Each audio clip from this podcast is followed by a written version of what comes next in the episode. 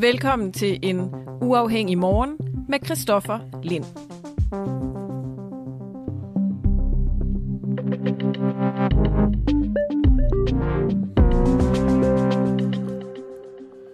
Ja, god morgen. Så er vi i gang igen mandag den 24. oktober, det herrens år 2022. Og vi er ved at sætte slutspurten ind. Valget det nærmer sig med hastige skridt, og øh, jeg kan godt love for, at der kommer til at være virkelig gang i den denne her øh, uge. Det er nu de aller sidste skyts, de, øh, de skal sættes ind. Så det, øh, det bliver en sjov uge at sende radio, det er jeg helt sikker på. Og vi starter egentlig også i politikens verden, fordi, jeg ved ikke, hvad jeg skal sige, kan jeg kalde det sådan en, øh, en skattejagt, vi sætter ind på en eller anden måde her til morgen, fordi øh, vi vil gerne finde det parti, som ikke vil ændre politikernes lukrative pensionsordninger. Det er sådan, at det måske ikke så nemt lige at finde det parti, fordi sådan officielt så vil de gerne ændre det her, men der sker bare ikke så meget. Helt tilbage i 2014, der blev Venstre, Socialdemokratiet, Radikale Venstre, Konservative og SF nemlig enige om, at vederlags Kommissionen den skulle kigge på, hvordan politikernes pension kunne falde, og partierne de lovede hinanden at følge de her anbefalinger. I 2016, altså to år senere, der var kommissionen så færdig med sit arbejde og kom frem til, at pensionen skulle nedsættes mod, at politikernes årsløn tilsvarende hæves. Så altså, mister lidt, men får også lidt i den anden ende. Politikerne de får i dag, otte år efter arbejdet her begyndte, den samme pension som dengang. Så, så vidt jeg sådan kan se, så er der egentlig ikke sket noget som helst.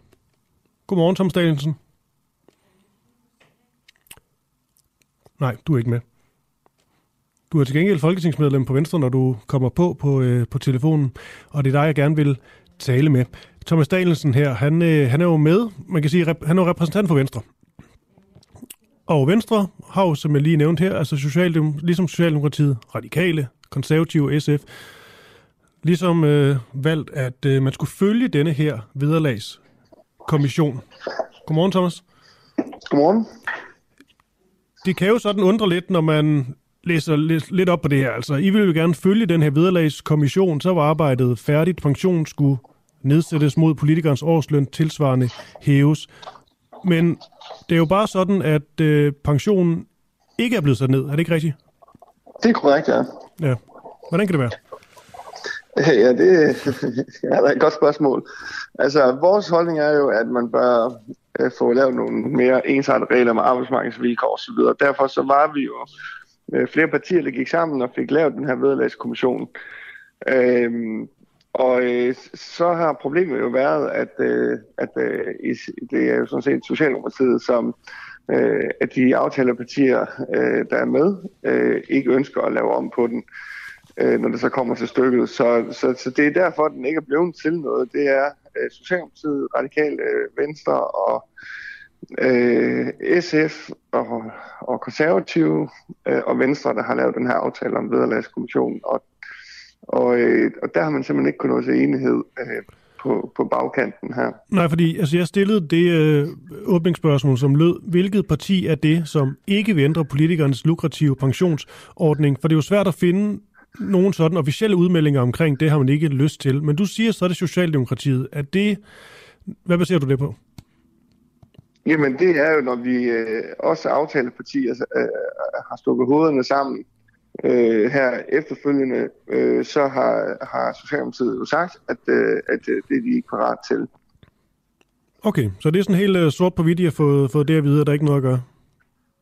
Ja, altså det, vi, vi øh, øh, gruppeformænd øh, for de her partier øh, har haft bolden på den her sag, og, øh, og der øh, øh, må vi jo så bare konstatere, at Socialdemokratiet er ikke parat til at, at følge Vederlagskommissionens anbefalinger, og dermed få lavet om på den her øh, ordning på nuværende tidspunkt. Okay, fungerende politisk ordfører for netop S, Pernille rosenkrantz hun, har, hun er ikke så vild med det der med at skulle øh, placere en eller anden abe, og hun siger også, at, øh, at det er forkert ligesom at pege fingre og sige, at det er dem og dem, der har skylden. Så udtaler hun også, at øh, omvendt, der kan man sige, at ingen af de tre partier lykkes med at stille et forslag, der er flertal for. Er det rigtigt? Altså kunne I også have gjort mere Jamen altså, ja, øh, det er jo korrekt, at de, blandt de partier, så øh, er der så lige pludselig et parti som Socialdemokratiet, som ikke vil følge vedlagskommissionen længere. Der er også et parti, som siger, at man skal øh, forringe øh, øh, lønnen, øh, øh, skære ned på, på politikerlønnen også, øh, endnu mere, øh, og fjerne øh, pensionen. Og, og, og, og derfor så er det korrekt, at lige pludselig strider det i alle retninger. Og derfor så er mit take også på det, at jeg tror, skal det her nogensinde blive en realitet, så bliver vi nødt til bare at sige, at vi følger vederlagskommissionens øh, anbefalinger. Okay. Jeg synes, fordi altså, tilbage der i 2016, som jeg husker det, så det her med, øh, med lønstigningen, det blev talt, talt som et uh, generelt problem for partierne, og der begynder også at tale om politikerlede, hvorfor er det, de skal have mere, og så videre. Jeg synes dog, den måde, du sagde forringe lønningerne på, der var det lidt lavet som om, at det synes du egentlig ikke var en god idé. Nej, altså jeg synes, at øh, man skal lave et øh, lønsums, nulsumsspil, ligesom øh, Vedlagskommissionen har lagt op til, hvor man siger, at samlet set, så skal der ikke øh, flere penge til, eller færre penge til. Vi skal bare lave en ensartning af øh, det øvrige arbejdsmarked, sådan at politikernes lønninger de bliver øh, gennemskuelige øh, og, og mere normaliseret. Øh, og det øh, har vi også øh, kun en interesse i øh, i Venstre. Øh, og derfor så øh, er det altså, at vi følger Vederlagskommissionens anbefalinger. Okay, men Thomas Daniels, nu skal jeg lige, lige forstå, hvor, hvor langt du ligesom er villig til at gå for denne her øh, øh, pension, altså øh, for den ned... Jakob Mark fra SF, han, øh, han har sagt, at de i SF godt kan gå med til, at øh, politikernes løn stiger, hvis altså pensionen falder. Men jeg kunne så godt tænke mig at vide, om nedsætning af pensionen så er så vigtig for Venstre og for dig, at du også ville gå med til en eventuel aftale, hvor din løn så ikke stiger? Altså, ville du kunne tage den hele pakke? Den hele pakke? Ja, det er jo en, en mulighed, at, øh, at der er ingen lønstigning, og der er en øh, markant nedsættelse af pensionen.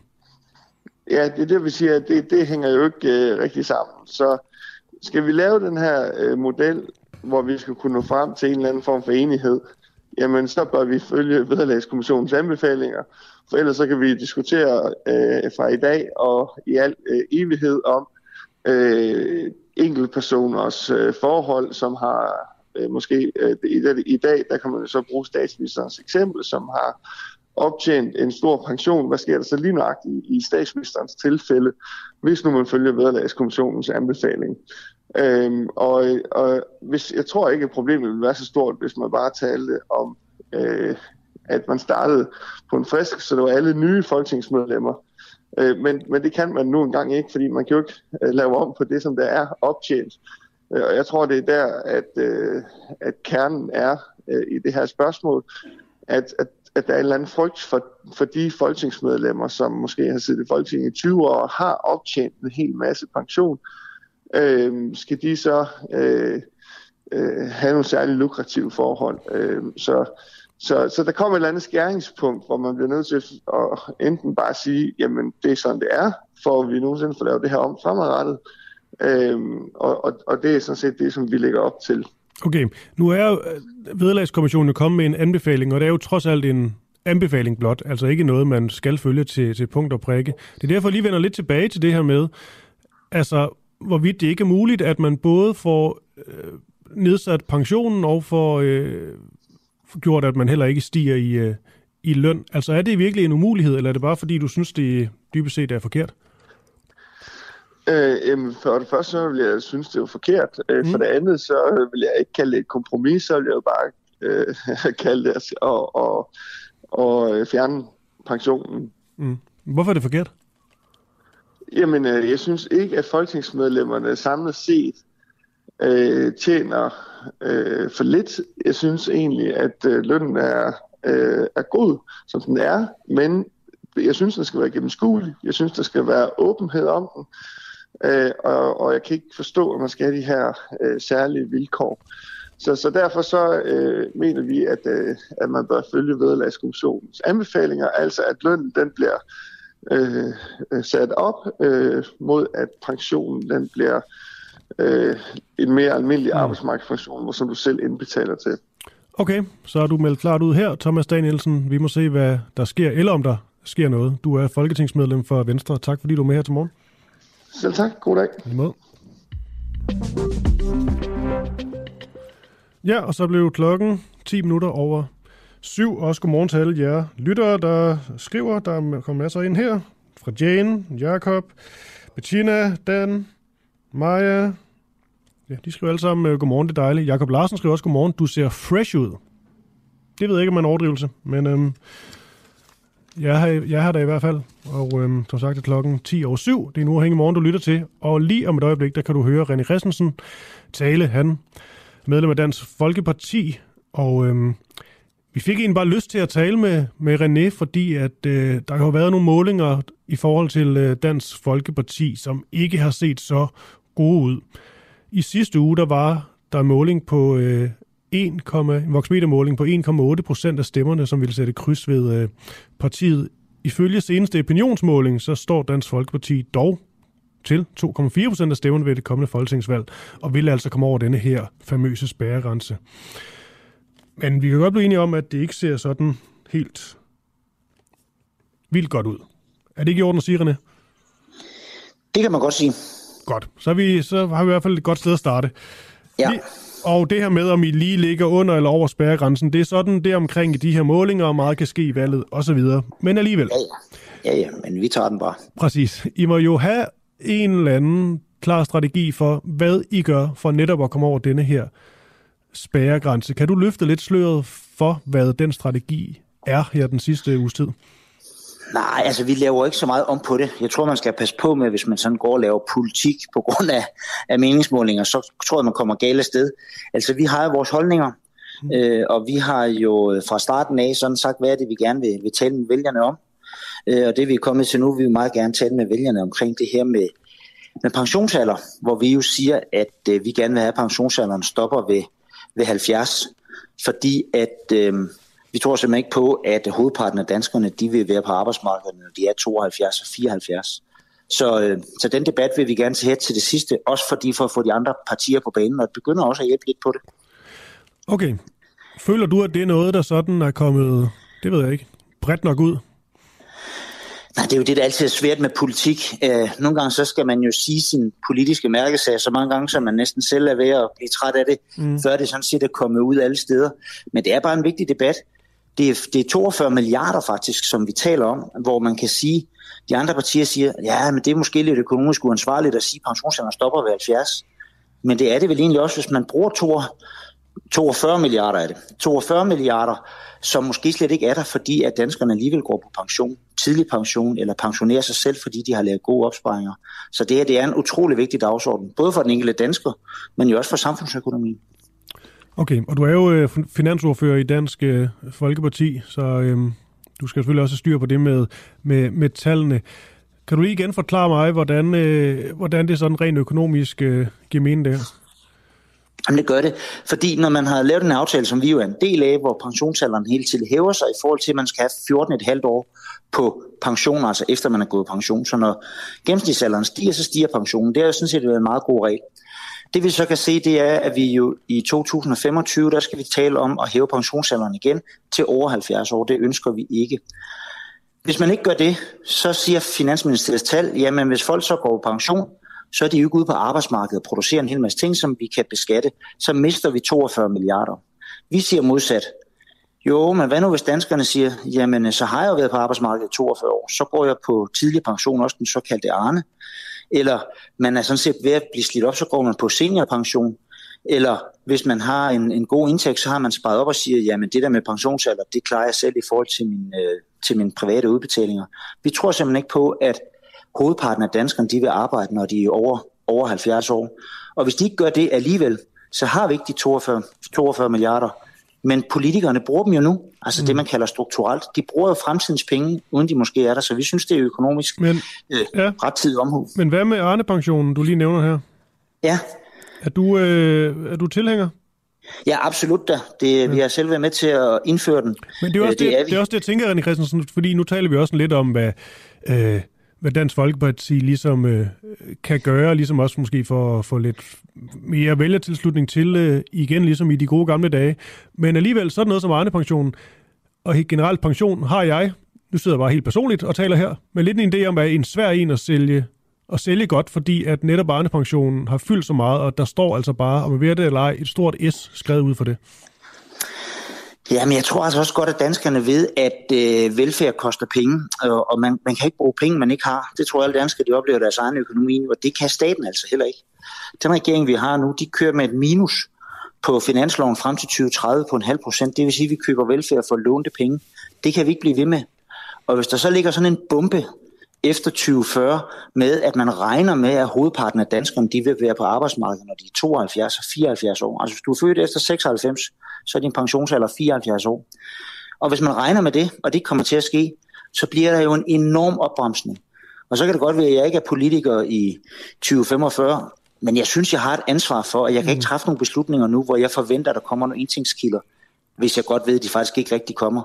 Det kan vi simpelthen ikke være bekendt, og derfor bliver vi nødt til at tage den her debat nu, så velfærdssamfundet det også kan bestå, også når vi ikke er der. Okay. Noget af det, I har øh, fokuseret meget på i, øh, i den her øh, valgkamp, det er i hvert fald det, jeg sådan har set på sociale medier, det har været sådan en, hvad skal vi sige, en skærpet tone over for, øh, for indvandrere, migranter, hvad det nu kan være, med sådan nogle meget dramatiske videoer med burkaklædte folk. Der har også været den her snak om øh, beduiner, på, hvis man besøger et dansk hospital osv. Den taktik, har den, øh, har den virket? Ja, vi har faktisk ikke kørt den slags videoer. Det var sidste valgkamp, at den slags videoer blev, ah, der blev der været nogen. Øh, vi har ikke haft de der videoer i forhold til meget burkeklædte folk. Vi har faktisk haft meget fokus på, hvad hedder det, på velfærdsdelen. Vi har haft meget fokus på, på ældre, og vi har faktisk også haft meget fokus på uddannelse.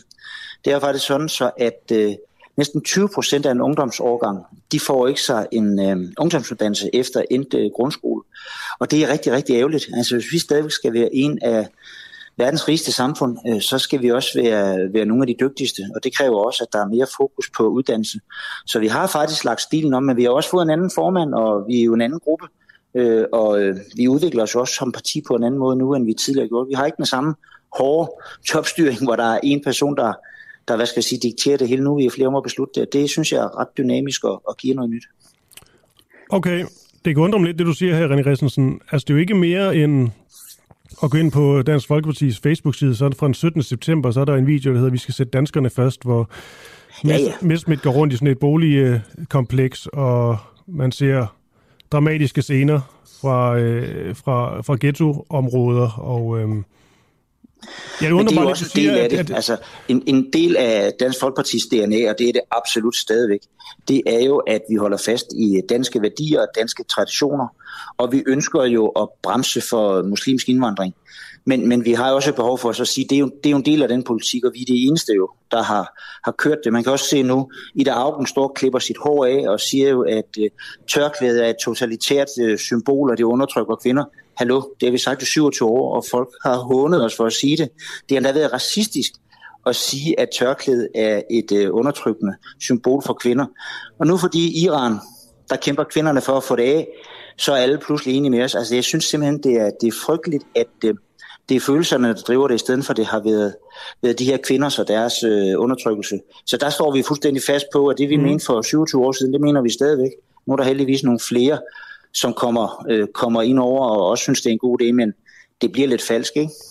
Jo, jo, men, men, men det er jo også øh, dybest set, øh, altså, øh, en falsk præmis, du sætter op her. Jeg ved ikke, om det er en præmis, hvad vi nu skal sige.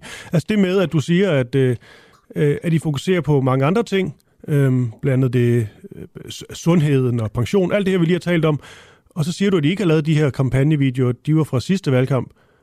Altså, vi skal sætte danskerne først kampagnen. Der ser du burkaklædte kvinder. Og du ser øh, det, vi kalder for, for mørkemænd og så videre. Så de kampagner er jo lavet. Jeg siger jo ikke, at der er noget galt i at lave de kampagner, men det er bare forkert, at du siger, at de ikke er lavet. Nej, jamen, det er da rigtigt. Altså, det, der er vigtigt for os, det er jo også, at, øh, at hvad skal man sige, fundamentet er der, og de ting, som vi står for i forhold til det, men det er jo også vigtigt at sige, at der også øh, er alt det andet, mm. øh, som, som Dansk, Dansk Folkeparti er et rigtigt parti. Vi er ikke et øh, protestparti, vi er ikke et parti, der kun har en dagsorden, som hedder klima eller hedder udlændinge. Vi har nogle ting, som vi synes, der er vigtigt, og så skal man selvfølgelig for os er udlændingepolitikken jo enormt vigtig, og det er den selvfølgelig fordi, at hvis vi først har et multikulturelt samfund, når vi mm. først har fået lavet det om, at svømmehallerne er for kvinder om tirsdagen osv., osv., så har man jo tabt. Altså, det kan man ikke rulle tilbage igen.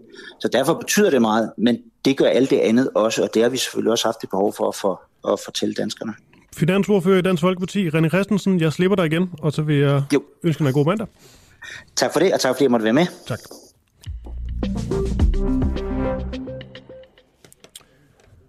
Alright. Så er vi godt i gang. Klokken er 7.20. Vi har et, øh, lad os kalde det for et mindre tema her til morgen. Øhm, nu kommer lidt kontekst her. Fordi det er sådan, at øh, stramme regler og uvidenhed betød, at en hjælpepulje på 100 millioner kroner simpelthen ikke kunne nå frem til udsatte borgere. Det her det var meldingen fra flere kommuner, da DR de kunne fortælle, at der kun var blevet søgt for lidt over 1 million kroner af puljen. Altså 1 million ud af 100 millioner, det er jo trods alt ikke ret meget. Københavns socialborgmester Karina Vestergaard Madsen, hun øh, fortalte til DR, at et af problemerne, ifølge hende, det var, at lovgivningen sagde, at der kun kan give støtte til uforudsete udgifter. Og åbenbart, så er hverken forhøjet el-, bolig- eller varmeregninger noget, man regner som såkaldt uforudsete udgifter. Det her, det mener lektor i socialret Eva Nauer Jensen simpelthen er forkert. Og heldigvis, så taler vi med øh, begge kvinder senere i løbet af morgenen. Vi taler altså med Eva Nauer Jensen, og efter det, så har vi øh, socialborgmester Karina Vestergaard Massen med. Og det spørgsmål, vi jo vil stille, det sådan store forkromede spørgsmål, det er, hvorvidt kommunen svigter udsatte ved simpelthen at tolke lovgivningen forkert. Fordi det, der jo er med det her, så kan man sige, det ser lidt skidt ud, at der kun bliver brugt en million ud af de 100 millioner kroner, men der er jo virkelig også noget konkret i det her. Det er jo udsatte borgere, som simpelthen ikke får de penge, den hjælp, det de har brug for. Og hvis det her det skyldes, at det er et eller andet med, at man ikke helt kan finde ud af at tolke lovgivningen rigtigt, eller det er noget papirarbejde, der er gået galt, så er det jo sådan en mindre skandale. Men det er i hvert fald det, vi åbner op for øh, senere på morgenen. Så har jeg også lige øh, et par nyheder, vi lige kan få med her. Radikale vil bruge milliarder på hurtigere fjernvarme og varmepumper. Høje priser på energi koster mange familier dyrt, og samtidig så er den grønne omstilling af opvarmning i private hjem gået i stå. Det mener de radikale som mandag, altså i dag, kl. 12 præsenterer Nej, undskyld, præsenterer 12 tiltag, du sådan det var, der skal sætte fart i skiftet fra sorte til grønne varmekilder. Vi vil i gang sætte en egentlig kriseindsats med samme tilgang, som vi gjorde, da coronaen ramte. Det skal bidrage til, at 400.000 flere husstande får fjernvarme og varmepumpe i stedet for naturgas, olie og træpiller i stedet senest i 2025. Det er der er mange tal her. Det er 315.000 flere, end hvis vi ikke gør noget ekstraordinært, siger den radikale partiformand Sofie Carsten Nielsen. Ambitionen er også ifølge Sofie Carsten Nielsen, at allerede inden udgangen af 2023, så skal 125.000 danske husstande kunne frigøres fra naturgas, olie og træpiller.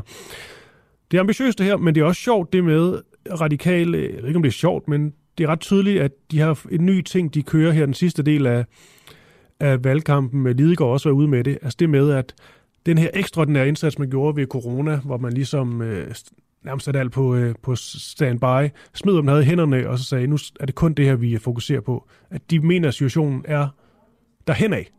Og derfor så skal vi gøre noget lignende. Det er altså det, de kører i den sidste del af valgkampen. Det er ret tydeligt, at det er et, øh, et budskab, de gerne vil have noget mere bredt ud. Altså krisen, vi har lige nu, den skal tages vel sagtens nærmest lige så seriøst som øh, hele covid-19-ting.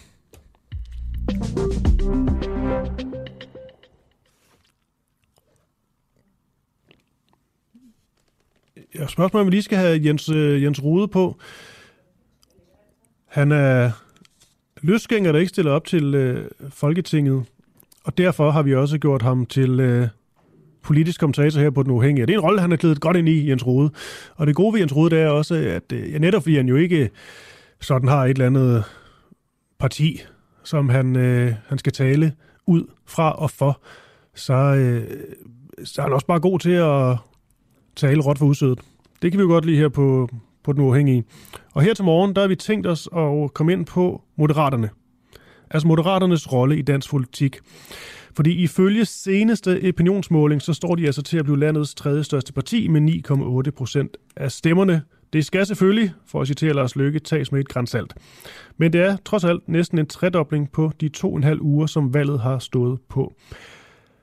Samtidig så ser Rød Blok ud til at have et stort forspring med syv mandater mere end Blå Blok. Så der er meget, der tyder på, at Moderaterne de har en stor rolle at øh, spille. Godmorgen, Jens. Godmorgen. Jeg sidder også og tænker, Jens, øh, ja, en stor rolle at spille, og der er rigtig meget hype lige nu af Moderaterne, og særligt Lars Lykke. Men her, øh, når slutspurten bliver sat ind, det er vel også nu, at man begynder at gå efter struben på Moderaterne? Ja, det har vi jo kunne se de seneste dage, ja. øh, at der bliver lagt sømmotter ud foran hans bil. øh, og øh, når, øh, jeg kan jo sige, at Socialdemokraterne kører jo sådan set øh, en valgkamp, hvor man sådan kører i fast og stabil øh, fart. Det går sådan set fint. Men man mærker uroen bag rettet, når man øh, ser, at øh, man sender øh, Folketingets formand Henrik Dam Christensen ud i en udrykning for at kritisere Lars Løkke. Øh, det, det er jo ikke tilfældigt, at man, øh, at man gør det. Og vi ser det fra Venstre, og nu kommer også alle historierne om hans kandidater osv.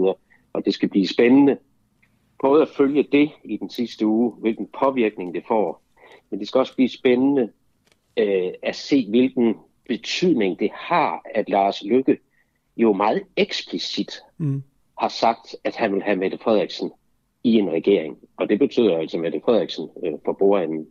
Øh, hvor, meget, øh, hvor meget kommer det til at koste i den, øh, skal vi sige, i det blå segment af hans vælgere? Det synes jeg er, bliver spændende at se, og det ved vi jo først her om en uges tid. Jeg var ret overrasket over, at han, øh, han meldte det her ud. Nu skal jeg lige sige, at, øh, at det, han sagde, så vidt jeg husker, det er jo ikke, fordi det blev taget ud af kontekst, men det blev også slået måske mere dramatisk op. Øh, altså, det er jo ikke sådan, han siger, at han vil kun øh, i en regering med Mette Frederiksen er med, så vidt jeg kunne forstå. Altså han ligger stadig op, op til, at meget kan ske på, på valgnatten og i forhandlingerne osv. Men trods alt alligevel, den her udtalelse, som du også nævner her, jeg sad og tænkte, det virker på en eller anden måde sådan lidt, måske lidt dumt, fordi at, øh, det gik jo ret godt med at, at gøre det andet. Jamen, for at være ærlig, så jeg skrev til Lars ja. og spurgte, om det nu også var klogt, om det var gennemtænkt af det, han, øh, det, han har lavet. Og øh, nu skal jeg ikke reparere, hvad han, hvad, han, hvad han svarer. Men jeg var, jeg var fuldt lige så overrasket som du, fordi en ting er jo, at man spiller pokerspillet, og det spiller han jo fantastisk godt. Ej, hvad og han har også en kæmpe fordel i, at vi har en valgkamp, der ikke handler om en mm. dyt, for at sige det lige ud. Øh, og derfor bliver Lars Lykke i sig selv den gode historie. Ja. Han har spillet det spil fantastisk godt. Nu går han jo så et skridt videre, og det er et sats, fordi der er jo vælgere i blå segment, som Lars typisk tiltaler, mm. at, at øh, der jo ikke kan fordrage vores nuværende statsminister, og ikke vil have vores nuværende statsminister. Og derfor skal det blive spændende at se, om der kommer en sivning, eller om han så er i stand til at samle det op øh, andre steder. Fordi en ting er, at han følger en logisk konsekvens mm. af det, han rent faktisk mener. Lars Lykke mener helt af et ærligt hjerte, at hvis man skal lave langtidsholdbare reformer i det her land, så er man nødt til at have Socialdemokraterne med, fordi ellers sidder de bare på hænderne, når de er i opposition. Den analyse har han, og kan han have ret i meget langt hen ad vejen. Men der er jo en kæmpe forskel på, og så have, skal vi sige, en, en uudtalt logik, og så en meget eksplicit logik, som han jo lige pludselig har skiftet til, ved så øh, markant at sige, at Mette Frederiksen skal være med i en regering. Mm. Det er interessant. Det er virkelig interessant at se, hvad det, hvad det giver af reaktioner i vælgerhavet. Uh, ej, og du kan ikke bare sige lidt, lidt om, hvad han, hvad han svarer dig? På en eller anden, kan du ikke sige det på en eller anden sådan skjult måde? eller? Nej, men Lars, Lars, jeg, jeg, Lars Lykke ved godt, øh, ved godt, hvad han gør. Øh, og, og, øh, og det interessante ved Lars Lykke er jo sådan set, at han jo øh, følger terræn og ikke kort. Han er ikke typen, der lægger de øh, store, langsigtede strategier, øh, fordi det interesserer ham ikke. Han mm. øh, aflæser øh, kortet, og han må jo have aflæst et eller andet her, siden han melder ud, øh, som, øh, ja. øh, som han gør. Og det er måske det, at der er øh, skal vi sige, nogle, nogle løst hængende stemmer i, øh, i det radikale segment, fordi det går så mm. talt dårligt for radikale venstre i deres valgkamp. Ja, men er det her så også, fordi nu, altså meget snak med Lars Lykke, det går jo også på, kritikere Lars Lykke siger, hvor meget kan vi egentlig stole på ham. Og hvis han nu stod med muligheden for på en eller anden måde at give Blå Blok magten, så frem han så ville blive statsminister. Vi er virkelig ude i, uh, i uh, tænkte eksempler her, men så vil han kaste over det også, og så måske tænker Støjberg med, fordi hvad fanden, det handler om magt uh, alt sammen. Men er det her trods alt for dig at se sådan en ret klar indikation af, at alt det snak, der lige pludselig har været om ham som mulig statsministerkandidat, det kan vi godt uh, begrave helt? Jamen, Lars Lykke kommer ikke til at indgå i en regering med øh, Inger Støjberg eller øh, nogle af de to andre højrefløjspartier. Det tror jeg godt at skrive under på. Det kommer ikke til at ske. Okay. Det tror jeg simpelthen ikke. Det tror jeg simpelthen ikke på. Der kan man godt stole på ham. Altså, når man taler med Lars, så er det hans inderste overbevisning, at Altså, og det er jo det der med at have mærket det på sin egen krop, fordi det kan jeg jo selv huske, at jeg, øh, hvordan, når, når man har mærket på sin egen krop, at man begynder at blive trukket rundt af nogle partier ude på højrefløjen øh, og kommer til at sælge for meget ud, mm. så kommer der jo en refleksion, når man kommer ud af magten og kommer væk fra den, hvor man så øh, kigger sig selv i spejlet og, og, og finder ud af, at der var nogle ting, man gjorde, som man ikke kan lide. Og den, jeg, jeg tror ikke, han har lyst til at gentage, øh, gentage det. Og derfor er jeg ret overbevist om, at Lars Løkke Rasmussen øh, ikke, at man i den sammenhæng i hvert fald kan stole på, at han kommer ikke til at indgå i en regering, hvor Inger Støjberg, Pernille Vermund eller Morten Messersmith er med. Mm. Ifølge, nu vil lige have et blå øh, blok her, ifølge øh, partileder for, øh, for LA, Alex Vanopslag, så ser det ud til, at valget er tabt for, for blå blok. Det er jo en ret sådan bestandt analyse. Er du, øh, er du enig i det? Uh, it ain't over until the fat lady sings. Og det skal man altid huske på. Altså for, for, øh, for, øh, for, for Socialdemokratiet handler det selvfølgelig om nu at komme igennem den næste uge uden at lave fejl. Mm. Altså nu, nu, nu får vi sådan, øh, skal vi sige, øh, nu, jeg tror vi kommer til at se sådan et, øh, øh sådan et øh, Mats Villander-spil øh, fra Socialdemokratiet, den gamle øh, tennisspiller, der altid stod bare nede ved baglinjen og øh, lod alle de andre komme med angrebsslagene, og så stod han sådan set bare og parerede dem og spillede kedelig tennis. Jeg tror, det er lidt det samme, vi kommer til at se øh, Socialdemokratiet gøre i den øh, kommende uge, øh, og så håber man bare på, at øh, Blå Blok bliver ved med at fejle, og det må man sige, at øh, der skal jo et eller andet drastisk til, hvis de blå partier skal øh, kunne løfte sig. Fordi det er jo også en del af succesfortællingen for Lars Løkke Rasmussen. Det er jo, at man jo i høj grad vinder på andres fejl. Ja. Og Lars Løkke Rasmussen har i den grad vundet på at kunne udvise en tyngde og en professionalisme i øh, debatter og i, i sin optræden generelt i forhold til de øh, mildestalt uheldige episoder, der har været for øh, VK. Øh, jeg tror alle, øh, når den her valgkamp er slut, vil tænke tilbage på to pressemøder, to fælles pressemøder i Blå Blok, mm. der har været så ubegribeligt dårligt håndteret, at det næsten at det næsten er intimiderende. Altså jeg var i uh, P1 i går, og jeg, jeg så spillede Marie Louise Toksvig uh, øh, lydklippet fra det der pressemøde ude ved Kastellet. Og, og, og, og uh, det, er jo det er næsten ikke til at være i sin egen krop, for uh, så, så uprofessionelt, som det blev håndteret. Og det må man sige, at, uh, at hvis man fortsætter den uh, tur der, så kan det blive et ret grimt nederlag for uh, de blå partier. Ja, og det var jo vores gode kollega klar vind her på den uafhængige, som lige uh, gav en gas med, med Samsung. Det sagde jeg også, det sagde Godt, jeg også i går. Altså, hvis der er nogen, der skal have fidusbamsen yes. journalistisk i den her valgkamp, så er det den uafhængige. Fedt. Det var fremragende journalistik, det hun lavede der. Det er godt. Og det værste... endelig, endelig en journalist, ja. der ikke lod politikerne hoppe af, men forlangte et svar på det, hun spurgte om. Ja, hun, har, hun har også... Har vi godt nok. Øh, det har vi savnet længe, synes ja. jeg. Og der er også et andet enkelt øh, presmøde med Clara Vind, der jeg kan anbefale, hvor hun øh, bare afbryde Mette Frederiksen 4-5 gange. Det er meget skønt. Og det er der, det der, det er der grund til nogle gange, skal lige siges. Med alt det sagt, øhm, jeg tror jo, det er en udtalt blå blok. Øh, jeg har jo en idé om, at Liberale Alliance får et helt sindssygt godt valg. Men, øhm, det tror jeg også. Ja. Men Alex altså også, også vildere end det, der er i meningsmålingerne. I, ja. ja, men Alex Vanopslag taler dybt ind i hjertet på, skal vi sige, traditionelle borgerlige vælgere, fordi den traditionelle borgerlige vælger ved jo godt, at man ikke kan føre ekspansiv finanspolitik, når der er inflation. Og det er Alex Vanopslag den eneste, der tør at sige. Ja. Og det tror jeg, at rigtig mange mennesker har respekt for. Okay, vi har lige et par minutter tilbage, Jens Rode. Jeg vil gerne ind på, øh, på de her øh, moderater, for som du egentlig også sagde i starten, så er det jo meget sådan, det er jo Lars Lykke, Lars Lykke, Lars Lykke, og så er der nogle, øh, nogle kandidater, men hvis det holder, at de bliver et af de største partier her til lands, øh, så er der mange øh, fra Moderaterne, der skal ind og sidde på, på borgen, men vi ved altså ganske lidt om, hvem de er.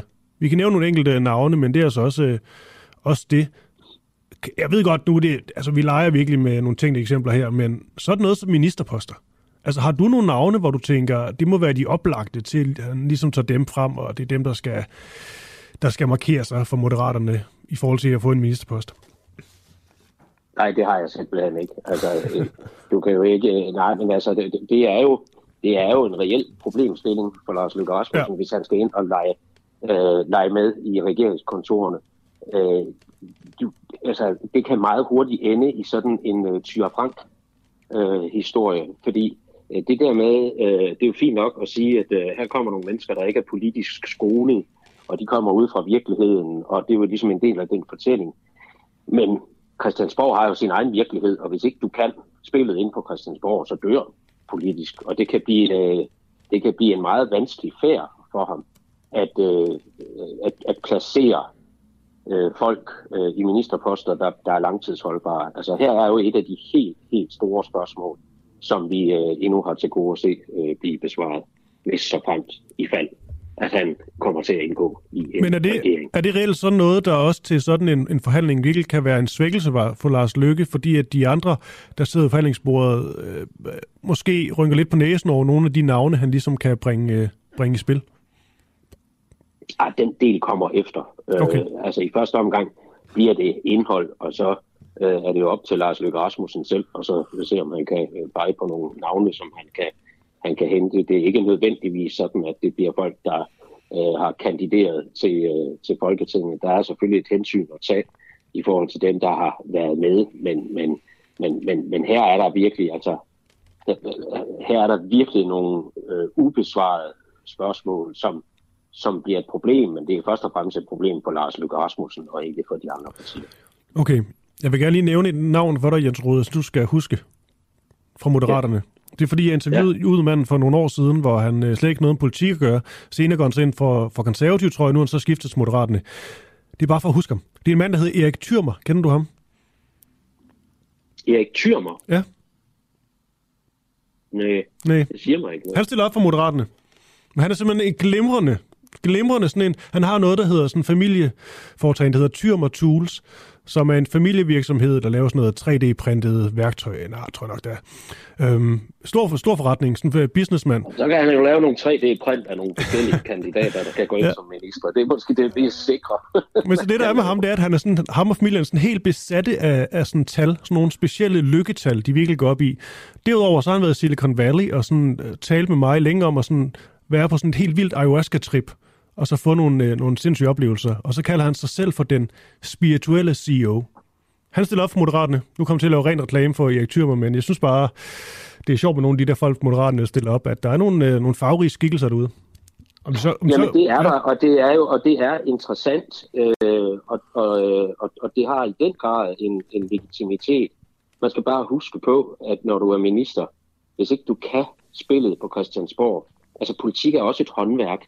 Altså man kan ikke bare sådan komme med den fortælling, at øh, det er bare godt, at man har lavet alt muligt andet. Altså du er nødt til at lære noget, du er nødt til at have noget tyngde, når du er øh, på Christiansborg. Der er rigtig mange øh, uskrevne spilleregler, øh, og politik er en irrationel størrelse, mm. som utrolig mange mennesker, der har været ude og i, i virksomheder og er vant til at arbejde med almindelige bundlinjer, har svært ved at håndtere, fordi man er nødt til at acceptere den præmis, at Mm. politik er en irrationel størrelse. Det handler ikke om at have ret, det handler om at få ret.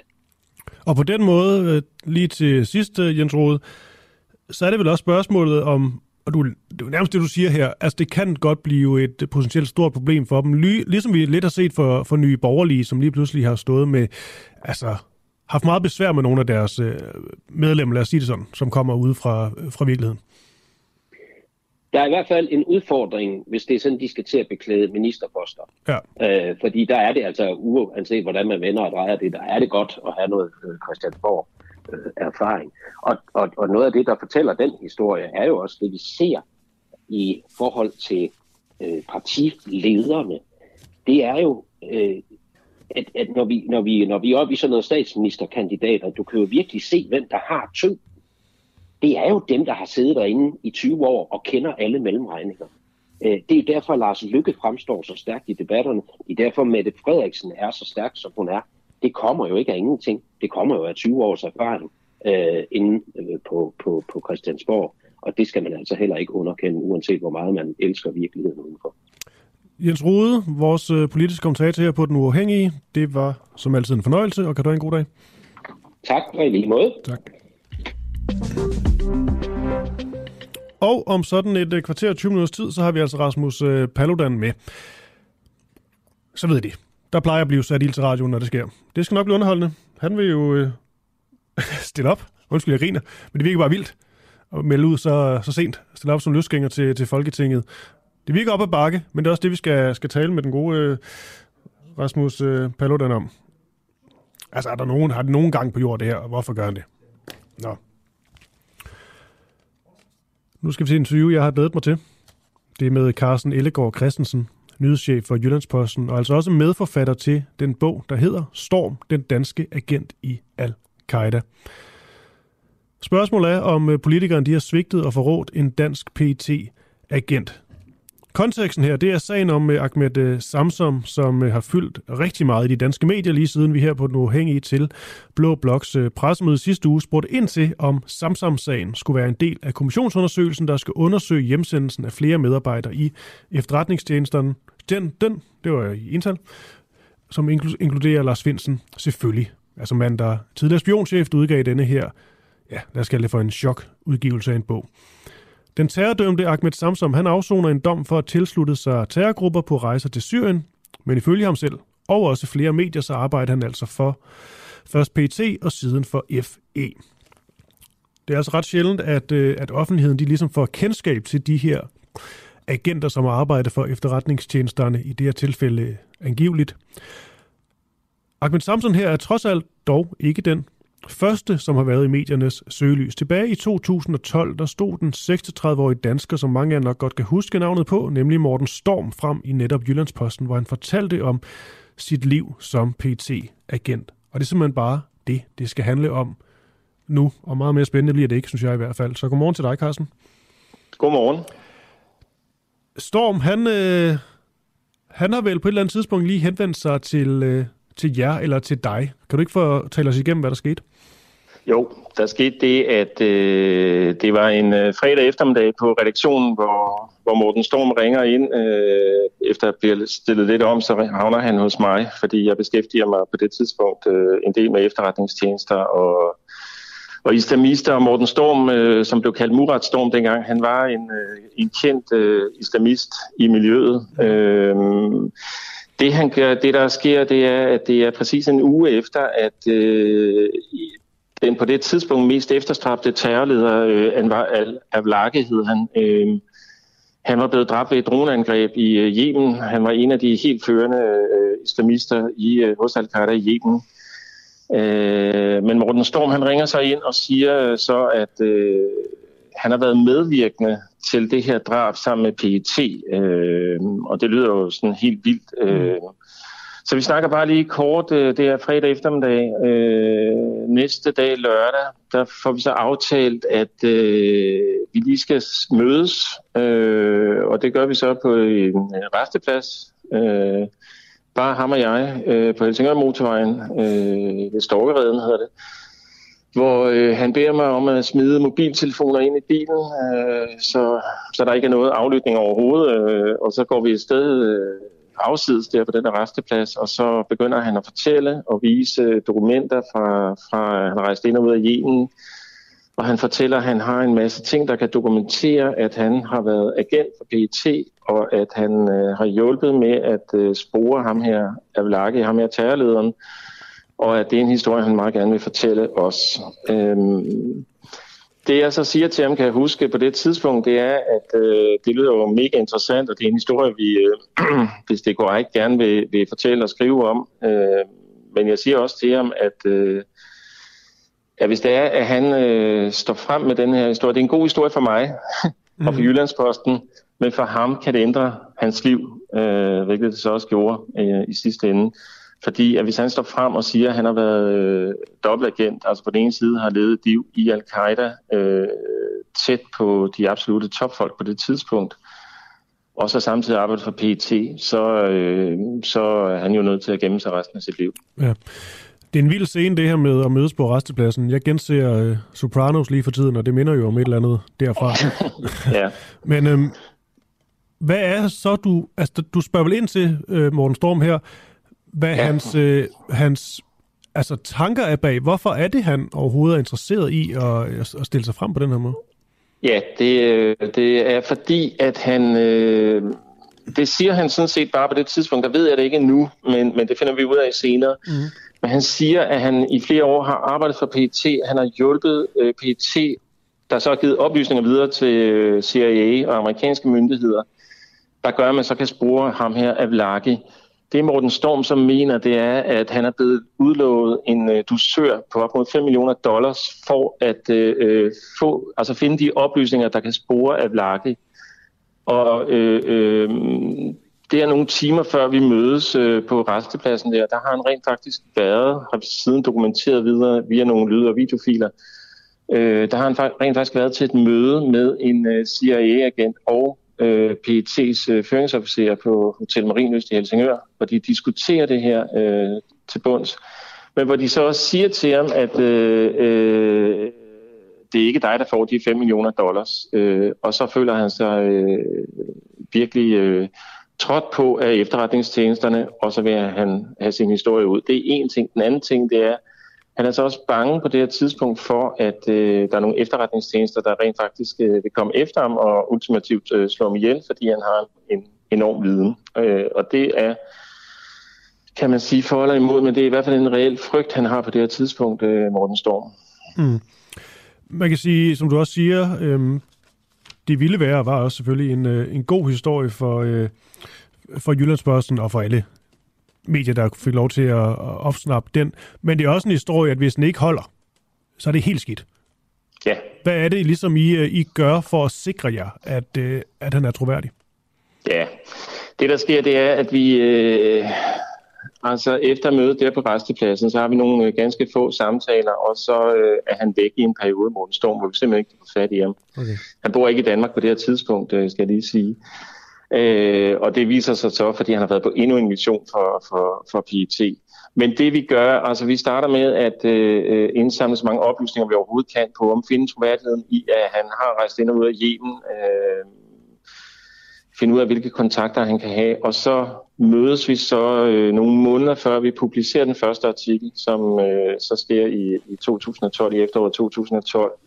Der begynder vi så at mødes med ham fysisk rigtig, rigtig mange gange. Og der øh, der finder vi så ud af, at han har øh, en masse bilag, pengeoverførselsbilag, vi kunne tilbageføre til, til føringsofficers øh, PT. Der er nogle dækfirmaer, der, der overfører penge til ham. Dem kunne vi, de her dækfirmaer kunne vi også føre tilbage til, til føringsofficer i PT. Der var lyd- og videofiler, øh, han havde med optagelser og møder med PT og FE. Der var nogle videoklip af ham der, af Vlaki, ham her terrorlederen, øh, hvor han frier til en kvinde. På det tidspunkt der kom ganske, ganske få mennesker i hele verden, der har kendskab til den her videooptagelse. Altså, mm. der, der vi ser den, Morten Storm kender den, Vlaki kender den, kvinden kender den, og så nogle få øh, efterretningsfolk i, i Danmark og, og i USA. Der var fotos af Morten Storm og, og PET-føringsagenterne. Øh, vi var selv til stede på et tidspunkt, da, da, da politiets efterretningstjeneste ringer til ham øh, og beder ham om, øh, tilbyder dem 25.000 kroner skattefrit om måneden i, jeg kan ikke huske, om det er tre eller fem år, øh, hvis ikke han snakker med pressen, fordi det, det har de en fornemmelse af, at han vil gøre på det her tidspunkt. Øh, vi tjekkede alle oplysninger, vi kunne, alle rejser, alt fik vi tjekket. Blandt andet er der et meget sjovt eksempel på, at øh, der er et billede af ham, hvor han har fået på et tidspunkt en, en, en, en kuffert med 250.000 dollars fra, fra, fra de amerikanske myndigheder i Danmark. Øh, det har han et billede af, han har taget øh, på et tidspunkt, og øh, vi kan så også se, hvornår det billede er taget, og så kan vi føre det tilbage til, at det passer med, at han har udført en mission på det tidspunkt. Vi kan se på hans rejsebilag, og noget, der så er sket i sagen på det tidspunkt. Men, men de her 250.000 dollars, der kunne vi også se, øh, vi fandt en lejlighed, hvor det billede var taget, øh, mm. og vi havde så en bankkilde, der ligesom kunne konstatere, at det er rigtigt, der ligger 250.000 dollars i den kuffert. Det var sådan nogle ting, vi gjorde. Og så havde vi selvfølgelig også øh, øh sådan nogle helt centralt placerede kilder i øh, Danmark og højt placerede kilder i USA, der ligesom kunne underbygge øh, Storms historie. Så, så vi var, øh, synes vi selv, på meget, meget sikker grund øh, da vi så øh, publicerede den første artikel. Ja. Han fortæller, så vidt jeg ved, blandt andet også om, at hans øh, føringsofficer ligesom sender ham julekort og tager et eksotisk sted. Det er fuldstændig rigtigt, ja. Ja, havde han, øh, og det er jo ikke for at prøve at undergrave nogen som helst, eller undergrave hans historie på nogen måde, men det er bare interessant alligevel, altså havde han beviser for det, eller var der også dele af hans fortælling, som øh, stadigvæk kan stå hen i sådan det, det uvisse? Nej, ja, men det, det altså, øh, de der julekort, mener, ja. Øh, dem, dem, dem så vi jo. Mm. Dem har vi jo. Øhm, øhm, og vi var også inde og se, øh, kan lige sige, øh, der var, han fik jo en masse, når man er agent, så får man øh, både nogle øh, computer fra PET, og man får nogle øh, telefoner fra PET. Der var meget af det, der var slettet, øh, slettet sms'er for eksempel, men dem kunne vi altså genskabe. Der er nogen, der ikke kan genskabe dem åbenbart, men, men vi kunne genskabe dem uden videre. Øh, det tog lidt tid, men det kunne vi gøre. Vi kunne også øh, genskabe øh, de der harddiske, selvom øh, eksperterne sagde, at der var en anden underlig ting. Øh, det var, en anden, det var nogle computere, der fået udleveret på PET, så de mente, de havde lagt et eller andet halløj ind i det. Jeg, jeg er ikke teknisk forstand på det, men det kunne vi også genskabe. Mm. Og så kunne vi finde flere af de her ting. Øh, og vi kunne så vi havde så nogle navne på de her PET-folk, øh, som, som passede med alle andre oplysninger i sagen. Og som sagt, så, så havde vi jo også øh, nogle ret centralt placerede kilder, og, øh, både herhjemme og i udlandet, der, der ligesom øh, underbyggede det hele. Okay. Hvis vi lige, altså nu har du jo øh, ja, i den grad dykket, dykket og gravet ned i den her historie, også øh, udgivet den her bog, der hedder Storm, mm. danske agent i Al-Qaida. Jeg ved godt, det er et stort spørgsmål, men alligevel, hvis du sådan øh, tænker tilbage, og så siger, hvad er sådan det vildeste ved Morten Storms fortælling? Hvad er det så, du vil, vil fat på? Uh, jamen, der er jo flere ting. Altså, jeg synes, øh, noget af det allervildeste, det var, at øh, det var, man, at man i danske og amerikanske myndigheder i forsøget på at uh, spore ham her, Avlaki. Avlaki, han, uh, Morten Storm var jo gode venner med ham, og det har han været historisk. Altså, det har han været i flere år siden, Avlaki han blev en stor kanon i Al-Qaida. Mm. Så han kendte ham jo privat. Uh, og der havde de snakket om, at uh, Avlaki, han havde godt nok en, en kone i hjem, men han drømte om at få en, uh, en vestlig kone med blondt hår, tror jeg, han havde formuleret det. Mm. Og øh, det kunne Morten Storm så skaffe, og så øh, finder de så en øh, kvinde i samarbejde med, øh, med efterretningstjenesterne, finder de en kvinde i Kroatien, der meget gerne vil giftes med ham. Og hun bliver så udstyret med noget øh, sporingsudstyr, øh, en kuffert, øh, hvor PET er med hele vejen. Øh, og så skal hun ned, og så skal hun giftes med, med, med Avlake, og så er meningen selvfølgelig, at de så via hende kan spore, hvor han er, øh, og så give oplysninger til, til USA, der så kan, kan sende en drone afsted. Øh, det synes jeg er ret vildt, at de har gjort øh, sådan nogle ting. Øh, ja, jeg går også ud fra, at der er, altså, det er ikke fordi, at du kan blive ved med at finde, øh, finde vilde, øh, bizarre, alt mulige historier. Men, altså, der, der, er mange, der, er mange, der er mange vilde ja, ting i den historie. Men, men jeg sad bare blive, undskyld, jeg, ja, præcis, jeg sad bare blive nysgerrig her øh, til sidst, øh, Carsten Ellegaard Christensen, i forhold til den måde, I har skulle kommunikere på. Ja. Altså, fordi det, jeg går ikke ud fra, at det har været så nemt. Nu talte du om mødes på en, en, en resteplads til at starte med. Altså, hvordan har jeres ja. kommunikation været i hele forløbet? Altså, vi har øh, været øh, på... Øh, når vi, vi mødtes med ham, øh, inden vi publicerede fysisk, mødtes vi i udlandet, og der mødtes vi... Øh, det var i Storbritannien, det tror jeg ikke er nogen hemmelighed mere. Øh, langt, langt, langt ude øh, på landet mødtes vi. Øh, og vi kommunikerede via, øh, jeg sad i København på det tidspunkt, og så har vi jo redaktion her i Aarhus. Øh, når vi havde nogle oplysninger, så sendte vi USB-stik med, med vores chefredaktør, der rejste frem og tilbage på det tidspunkt. Altså øh, nogle dage i København og nogle dage i Aarhus. da vi sad og skrev, så, øh, så havde vi en, øh, jeg sad og skrev på en øh, computer, der øh, var fuldstændig lukket af fra nettet. Alt var renset fra den. Det var i princippet bare en skrivemaskine. Øh, og så havde øh, brugte jeg øh, printer, øh, der ikke var tilsluttet noget net på noget tidspunkt, eller brugte øh, øh, ja, families øh, printer øh, og så videre, sådan at vi hele tiden sørgede for, at vi, vi var ude af nettet. Vi kommunikerede mm. også på, øh, på, vi købte en stak taletidstelefoner i Føtex, det kunne man gøre dengang. Øh, sådan nogle billige telefoner så nogle taletidskort, øh, og så ringede vi rundt øh, og skiftede dem øh, flere gange i forløbet. Og også øh, alt sammen i forsøget på at øh, sikre os, at, at PET ikke helt vidste, hvad vi gik og lavede. Øh, vi opdagede så på et tidspunkt, at der var alligevel nogen, der havde der vidste, at vi var på et bestemt hotel på et tidspunkt i Storbritannien, derude langt ude på landet, hvor vi øh, øh, måtte øh, skifte hotel, og der var... Vi ved jo stadig ikke, hvad det var, men øh, vi mm. konstaterede bare, at der var en eller anden stor, stor sort øh, firehjulstrækker, der, der kørte efter os øh, derovre og sådan noget der. Der var nogen, der vidste, hvor vi var. Øh, men altså, øh, vi prøvede at holde, som sagt, alt hemmeligt på den måde, at øh, øh vi, vi undgik at komme på noget net, øh, eller nogen som helst øh, ting, så, så det var sådan lidt, hvad vi kunne gøre, tænker vi. Ja. Okay, Carsten, et, øh, et sidste hurtigt spørgsmål. Har PET egentlig nogensinde bekræftet, at, øh, at han var agent? Nej, de har hverken bekræftet eller nægtet kendskabet til ham. Øh, og det kan de heller ikke. Altså, agenter er jo det hemmeligste af det mm. hemmelige, øh, så det, det vil de aldrig kunne gøre. De vil aldrig kunne, kunne offentligt sige, om han har været agent eller ej. Det kan man simpelthen ikke, øh, og det har jeg også forståelse for, at de ikke kan. Mm. Men det, der er meget sjovt ved den, det er jo, at øh, Morten Storm han fik øh, konstateret PTSD på et tidspunkt, og så kørte han en erstatningssag mod de danske myndigheder. Og det, der hedder Arbejdserhvervsstyrelsen, de tilkendte ham faktisk erstatning for det farlige arbejde, han havde udført for Rigspolitiet, som der så står i afgørelsen, altså PET. Ah. Øh, og dermed så bliver han jo på den måde officielt ja. anerkendt af, af danske myndigheder. Med det, Carsten Ellemann, uh, Ellegaard, undskyld, Christensen, nyhedschef ja. for, for Jyllandspost, og altså medforfatter til bogen, Storm, den danske agent i Al-Qaida. Det var, det var super spændende. Tak fordi du var her til morgen. Det var så lidt. Hej. Det godt. Hej. Og fra det, så skal jeg tale med øh, Rasmus øh, Paludan, stifter af Stram Kurs, fordi spørgsmålet er om Rasmus Paludan, han er på vej i øh, Folketinget som, øh, som løsgænger. Partiet Stram Kurs, de nåede ikke at blive opstillingsberettiget til Folketingsvalget, hvad han ellers havde håbet på, men øh, partileder og stifter Rasmus Paludan har altså ikke, så vidt vides, opgivet drøm om at blive valgt ind i Folketinget ved det kommende valg. Sådan her lige om, lige om et øjeblik. Ankestyrelsen, de har bekræftet telefonisk over for os i går, øh, eller undskyld, det, nu sidder jeg læser op, som det er, det er vores, det er det citat fra Paludan. Ankestyrelsen bekræftede telefonisk for mig i går, at jeg er godkendt som kandidat i Sjællands Storkreds. Det skrev Rasmus Paludan til os i øh, weekenden. Så det vil vi gå ud fra passer. Godmorgen, Rasmus.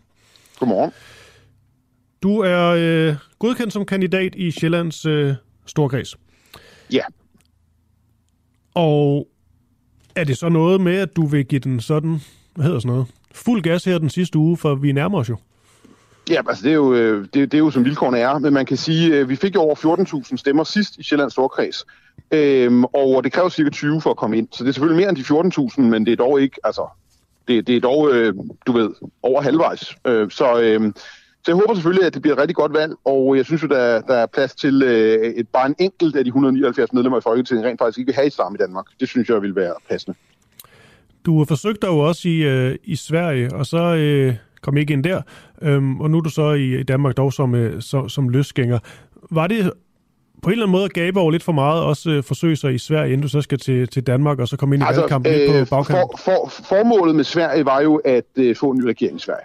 Mm. Og øh, det opnåede jeg jo. Øh, fordi øh, det, der skete i Sverige, var, at øh, altså, vi ved godt 4% øh, spærregrænse. Det er jo, øh, der var jo ikke stort set ingen, der vidste, at jeg stillede op i Sverige, men det, som jeg til gengæld vidste, det var, at der var en hel masse, der gik amok, og det gjorde jo så, at, øh, at vi fik en ny regering i Sverige, fordi mange flere stemte på Socialdemokraterne end øh, før jeg øh, lancerede min kampagne, og der var en hel masse, der plejede at stemme på Socialdemokraterne, altså muslimer, som blev så sure på Socialdemokraterne over, at de øh, i muslimernes øjne tillod mine manifestationer, så de stemte på det nye islamistparti Nuance i Sverige. Så jeg vil sige, at Sverige var meget vellykket, men det var selvfølgelig også, fordi det er jo en stor trussel mod danskere, hvis øh, Sverige meget hurtigt bliver et muslimsk land. Så øh, jeg, jeg synes, at, at det var en meget, meget, meget, meget stor øh, tjeneste, jeg gjorde danskerne ved at øh, kampagne i Sverige, som gør, at Sverige nu har fået en helt anden regering. Mm. Og, Er det, øh, og så ikke, kan man sige, er det at- ikke, ja. ikke at tage æren, tage lidt for meget ære for, for det, eller hvad, Rasmus? Nej, det synes jeg ikke. Altså, du kan jo se på, hvordan meningsmålingen var for Socialdemokraterne før øh, påske, øh, påskeoptøjerne. Øh, og de var, at, at de stod meget dårligt i meningsmålingerne, og det meste fokus det var på, at de var en eller anden øh, ven af Putin. Men så efter øh, de her optøjer i påsken og efterfølgende en ny kampagne i Sverige, øh, så skiftede fokus jo til, at der var en hel masse utilpassede personer, som, øh, som prøvede at myrde svenske politifolk. Så det synes jeg sådan set ikke, øh, at det er. Men altså, nu ved jeg ikke, man kan jo mene, hvad man vil, men nu er, det jo, nu er der jo sådan set... Øh, hundredvis af svenske kommentatorer og analytikere øh, politisk, som, som er nået til samme konklusion, at øh, det havde en afgørende indflydelse. Så, så det synes jeg ikke øh, er, er for meget, men, men, men altså, jeg, jeg er sådan set gladest for resultatet, mm. øh, det vil jeg sige.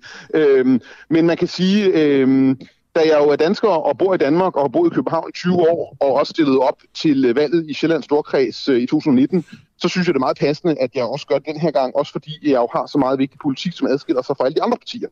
Øh, og det synes jeg er relevant. Altså for eksempel er jeg jo den eneste politiker, som siger, at man må ikke være i Danmark som udlænding, medmindre man har et arbejde. Øh, jeg er den eneste politiker, der siger, at hvis man er straffet for noget som helst som udlænding øh, i Danmark, så må man ikke være her længere. Så der er en hel masse øh, politikområder, som adskiller mig klart fra alle de andre partier. Okay, lige den del forstår jeg ikke helt. Altså straffet for noget som helst. Der er vel også, er der ikke en petitessegrænse? Der er vel også forskel på øh, den forbrydelse, man, øh, man har begået? Og det må du gerne mene, men, men så kan du stemme på noget andet. Ja, nu spørger jeg dig. Nu- nu- nu spørger jeg dig. Nu, ja, ja, ja, ja, Det er ikke et svar, det er jo bare et men- spørgsmål. Nej, det, det, det er det ikke, fordi du siger, at det er et meget ledende spørgsmål, en petitessegrænse. Jeg mener ikke, der er nogen petitessegrænse. Jeg mener, hvis man er gæst i et hus, så har man bare overholdt reglerne, ellers kan man skride. Jamen, det er jo også et Og, svar, øh, det er et svar på mit spørgsmål. Ja, ja, men det er bare, du, du kommer med et meget ledende spørgsmål, som jo er typisk for sådan nogle venstreorienterede socialister som dig. Men du ved da ikke, om jeg er venstreorienteret socialist. Ej, men så, ellers er du bare udgavet, fordi dine spørgsmål indtil videre har indikeret, at du har en helt forvrænget opfattelse af verden. Men altså, det, det er jo også fair nok, det har du ret til at være, som man siger på tysk, de Gedanken sind frei. Ja, ja, men det er jo også meget arrogant svar, du giver der, fordi jeg stiller jo egentlig bare et, øh, et, et spørgsmål. Jeg forstår egentlig ikke, du siger, det er lavet. Okay, du mener, at når du spørger, der er vel også en petitessegrænse, så det er ikke lavet. Spørgsmålet kunne være, er der en Nå, det er, det er da oplagt til, at du kan sige, sige nej, det ved jeg godt, du vil svare. Skal vi tage det, debatten derfra? Det er vel sådan, det fungerer. Altså, jeg skal jo ikke bare Nej, jeg lave troede, med jamen, så har jeg vores misforstået det. Jeg troede ikke, det her var en debat, nemlig jeg troede, at du skulle være en objektiv journalist, der spillede, st- stillede nysgerrige spørgsmål. Men hvis det er en debat, så skal jeg bare lige om... Øh, øh, du ved, så skal jeg bare i debatmode. Jeg troede ikke, at du var en, jeg skulle debattere, men nu har du sagt, at vi skal tage en debat, så, så må jeg jo indstille mig på det.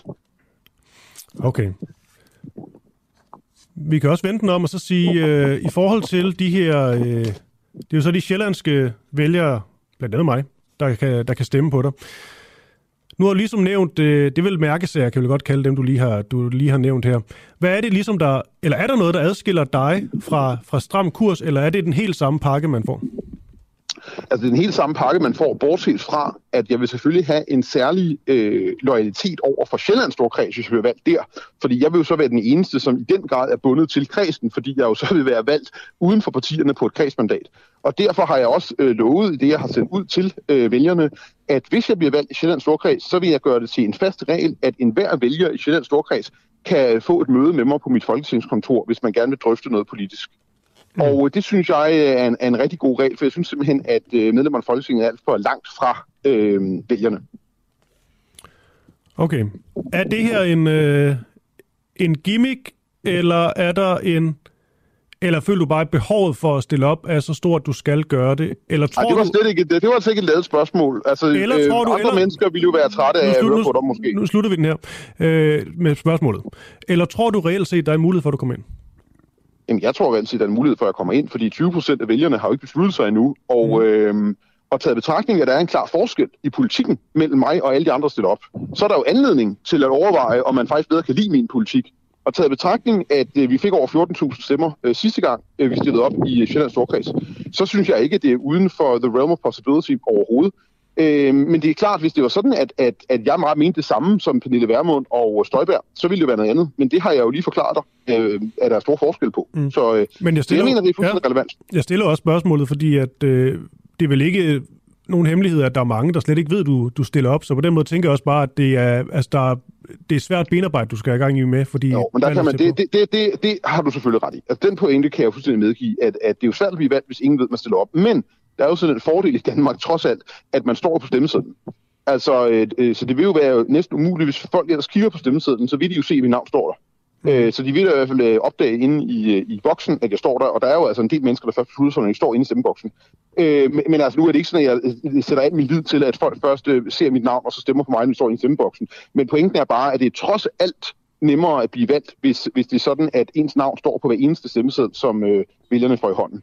Øh, men altså, det er, det er jeg enig. Det er sådan set, øh, det, øh, altså, øh, nu fornemmede jeg lidt, at, at, at det var det, du primært begrundede med, nemlig at hvis ingen ved, at man stiller op, så er det svært at blive valgt. Og det, det er jeg fuldstændig enig i. Altså, det er øh, helt klart den største udfordring jeg får ud til vælgerne i øh, Sjællands Storkreds her den sidste uge af valget, at man kan stemme på mig. Ja. Hvem foretrækker du, og det kan godt være, at det er et, et svært valg for dig, som du ikke har lyst til egentlig, men hvis vi nu tager sådan det realistiske bud på, hvem der bliver statsminister. Øh, Mette Frederiksen, Jakob Ellemann, øh, vel også stadigvæk Søren Pape, og øh, så lad os kalde Lars Lykke for en stor joker. Hvem er det, du foretrækker, hvis du skal, og det skal du jo, vælge en af dem? Altså, det skal jeg jo ikke, fordi hvis, hvis jeg bliver valgt en storkreds, så kan jeg jo pege på mig selv, sin majestæt dronning. Ikke? Det har jeg jo ret til. Jeg har ja. ret til at komme op og sige, at jeg vil have mig selv. Men hvis det er sådan, at jeg er det afgørende mandat, ja, og det, det vil sige, at, at, at, at lad os lege den leg, ikke? så det vil yes. sige, at jeg kan vælge. Jeg kan simpelthen vælge, men jeg kan kun vælge mellem de fire, du, øh, du nævner. Ikke? Så, øh, så er det jo, så er det jo øh, helvedesvalg, kan man sige. Ikke? Altså, det er jo pest og kolera. Men man kan i hvert fald sige, at der er en person, der har løjet for vælgerne hele sin karriere, øh, uafbrudt, og det har han jo selv indrømmet, øh, Lars Lykke, fordi han har sagt, at den der udlændingepolitik, han havde, da han var statsminister, det var bare for, øh, for show. Det var ikke reelt noget. Det var bare for at, at få presset Socialdemokraterne til selv at have en stram udlændingepolitik. Øh, så han er i hvert fald fuldstændig udelukket på personlig integritet, eller mangel på samme. Og så kan man sige, at Slettemette, som jo slettede sms'er, og som øh, ødelagde minkeværet og, øh, og FE-sagen og Lars Finsen og sådan noget, hun er også udelukket på øh, personlig øh, integritet.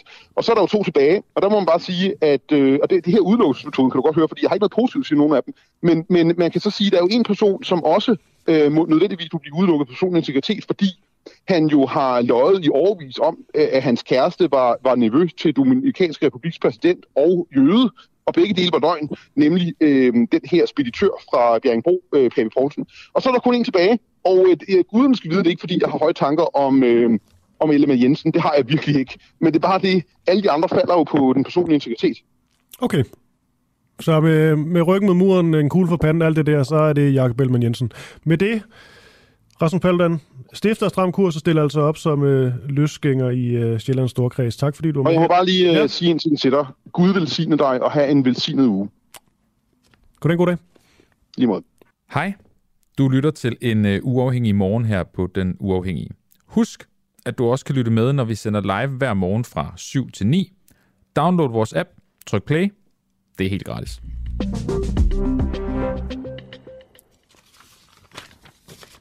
Ja, ja, ja. Hvornår er man for partipolitisk til embedsværket? Dansk Folkeparti de mener, at embedsværket på Christiansborg er præget af partifarve, særligt under den socialdemokratiske regering. Og det her det vil de altså gøre op med via en tillidskommission. Og fem konkrete lovforslag. Blandt andet en lov om, at der skal være en karensperiode for embedsmænd og kvinder. Anders Vistesen, han er medlem af netop Dansk øh, Folkeparti. Det er ham, vi skal tale med lige om et øh, kort øjeblik. Jeg kan også lige sige, at han tidligere har siddet i Europaparlamentet for, øh, for partiet. Og jeg får at vide, at du er med nu. Anders, godmorgen. Godmorgen. Sådan en øh, karensperiode for embedsværket, hvordan er det, den vil gøre det mindre, øh, mindre partifarvet? Ja, så man kan jo sige, der er jo desværre en stigende tendens til, at folk de går direkte fra at have rådgivet i, i enkelte partier og så ind i embedsværket på, på ledende stillinger. Og der øh, kan jo både opstå en, en direkte påvirkning, men der kan også opstå en, en mistænkeliggørelse af, om de nu kan finde ud af at være de her neutrale øh, embedsfolk, som, øh, som man har brystet sig af her i Danmark. Og der har vi jo sådan set bare set ud i verden og set, hvad er standarden egentlig andre steder. Og der er det jo ret normalt med de her karensperioder af en eller anden varighed, når man vil skifte fra det ene til det andet for at forhindre både en en dårlig påvirkning, men også den her mistanke, der opstår om, at man måske har svært ved at lægge partifarven af og tage neutraliteten til sig. Ja, det er jo sådan noget som, øh, bare lidt til kontekst, det er jo sådan noget som øh, presse- og kommunikationschefer øh, eksempelvis. Det kan være pressechef i Udlænding- og Integrationsministeriet, eller pressechef i Skatteministeriet osv., at, at de personer tidligere så har haft måske en konkret tilknytning til, til et parti. Øhm, og I mener så, at der er mange, der har tilknytning til Socialdemokratiet, og det kan være et øh, problem. Er det ikke sådan, problemet skåret helt ind i benet? Ja, altså, altså nu er det jo aktuelt, fordi det er en socialdemokratisk regering, og ja. der er rigtig det, det måske har, har taget til, men det er jo en tendens, der har været i dansk politik tiltagende de sidste, jeg vil nærmest siden Peter Mogensen i sin tid kom ind i uh, Finansministeriet i 90'erne, så er det jo desværre noget, vi kan se, der er blevet mere og mere brugt, og også at man ikke bare har en særlig rådgiver, men også at uh, nogle af de embedsmænd, der sidder, som, som er ansat på almindelige embedsmændsvilkår, de uh, har en baggrund i partierne. Okay, men hvad er så ligesom en definition af at være partipolitisk øh, for dig? For det kan jo være sådan, det er jo løst defineret på en eller anden måde. Altså, at det, at man må have været medlem af et, altså må man have været medlem af et ungdomsparti i, lad os sige, tre måneder? Nej, altså, der er jo ikke et berosforbud. Altså det, der er vigtigt for os, altså det er jo ikke sådan, at vi skal ud og, og, og spørge om partibog, øh, før, før man ansætter i det offentlige. Det er der, hvor jeg synes, øh, man i hvert fald starter med at kan lave en helt klar skillelinje. Det er, har du været ansat af, øh, af et parti, ikke? Øh, mm. øh, i en eller anden funktion. Øh, så, så, så er du over på den forkerte side.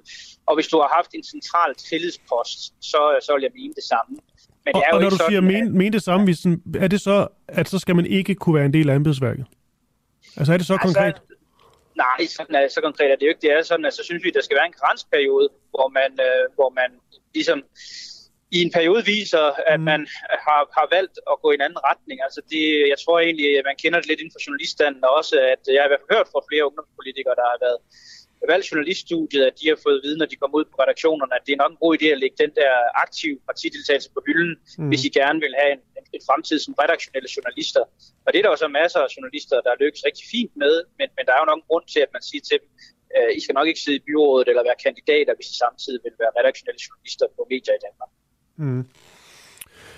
Okay, Jamen, jeg forstår øh, godt problematikken. Jeg sidder så og tænker i forhold til den her, øh, altså en tillidskommission. Var det ikke det? Ja. Jeg, jeg tror bare, jeg synes, at jeg er ved at blive, for, øh, blive helt rundt på gulvet af alle de kommissioner, der bliver, der bliver nedsat disse, disse dage. Men kan du ikke lige fortælle mere om den her øh, tillidskommission?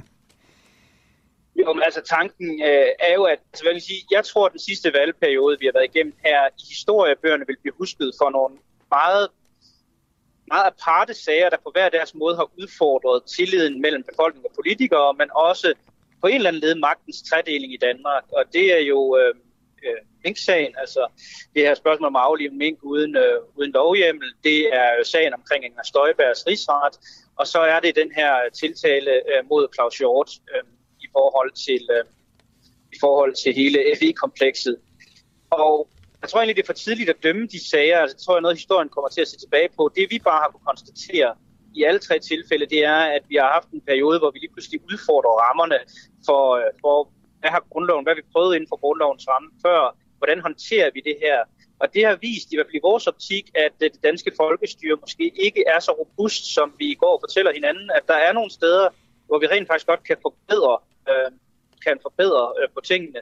Og det er jo det, vi synes, sådan en kommission sådan grundlæggende set kan afdække. Altså, hvordan er det, vi sikrer de rigtige mekanismer, uden at det bliver sådan et højre- eller venstreorienteret mm. spil om at, at, at placere en abekat. Øh, fordi det skal jo nok, det, den del kommer jo også, kan man sige. Men, men der er sådan set et historisk øh, sigte, der er længere end det, synes jeg.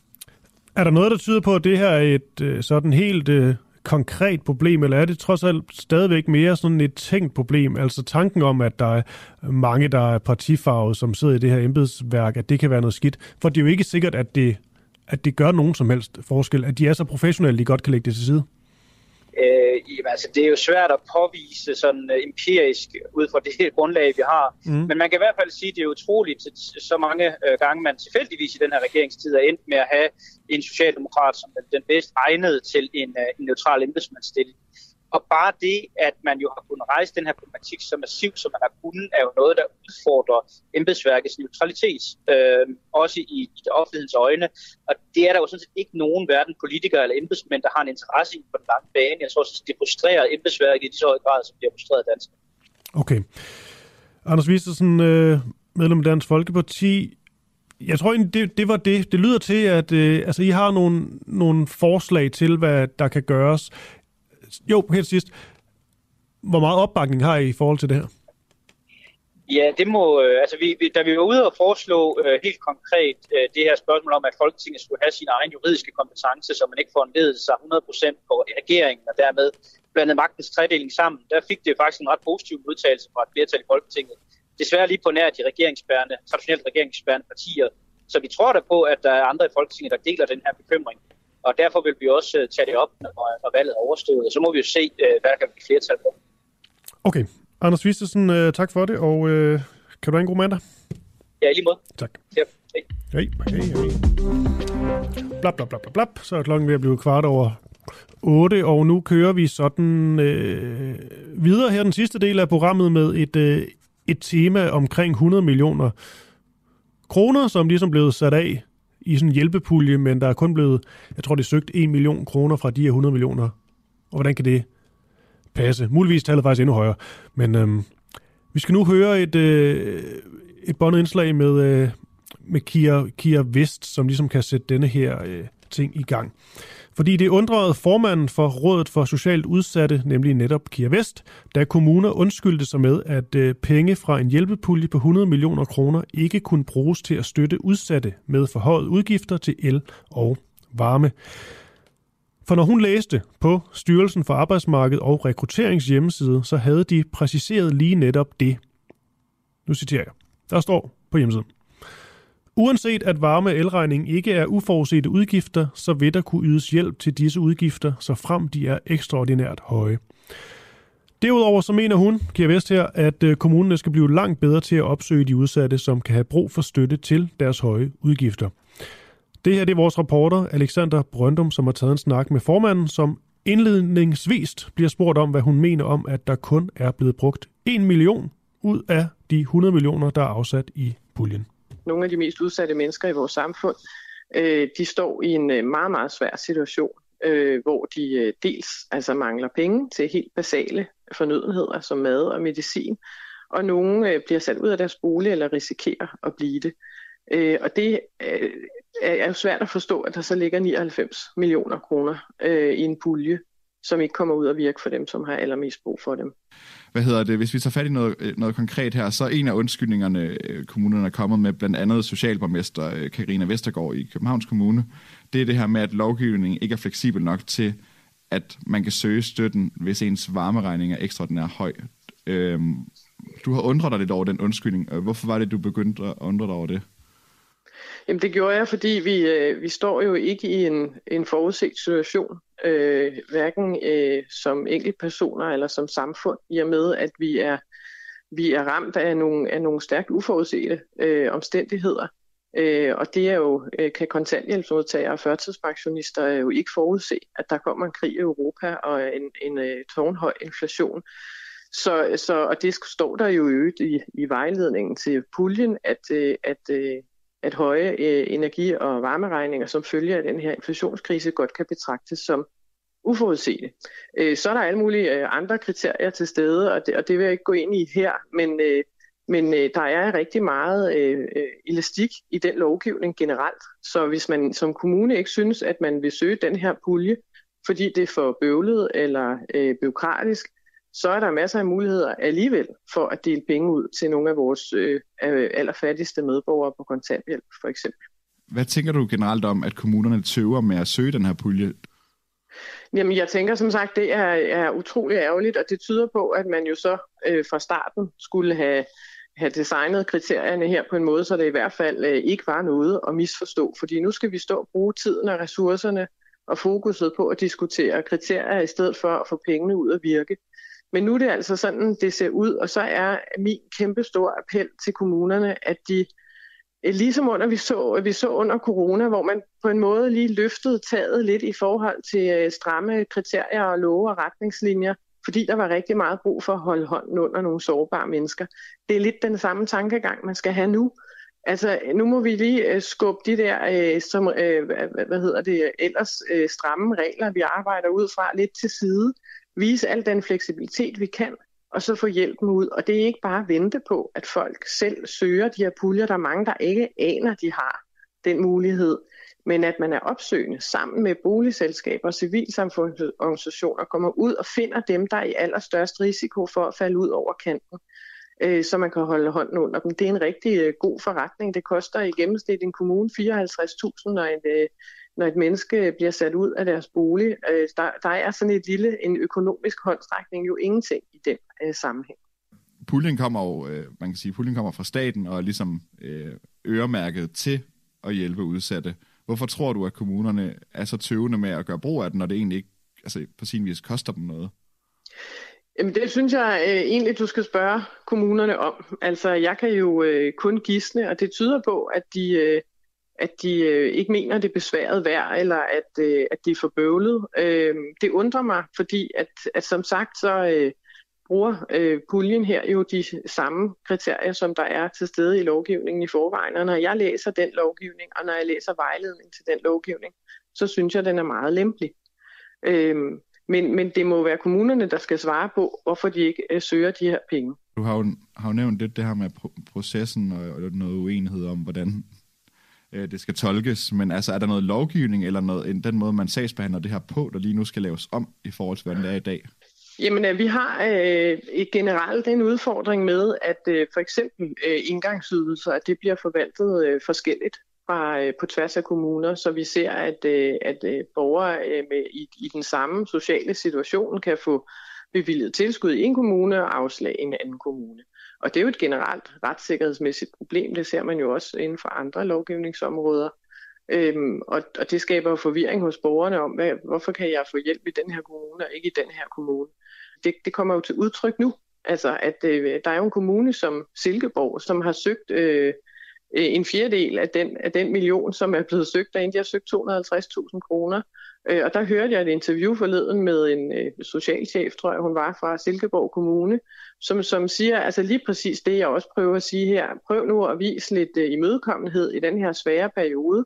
Øh, vi vil da meget gerne gøre brug af den her pulje og den, de muligheder, det giver os for at yde nogle flere tilskud i den her svære periode. Det er sådan set bare det, vi også beder om nu nævnte du før, at kommunerne godt måtte være mere proaktive og selv være opsøgende i forhold til at finde nogle af de her udsatte. Altså, er det ikke også folks eget ansvar at søge den hjælp?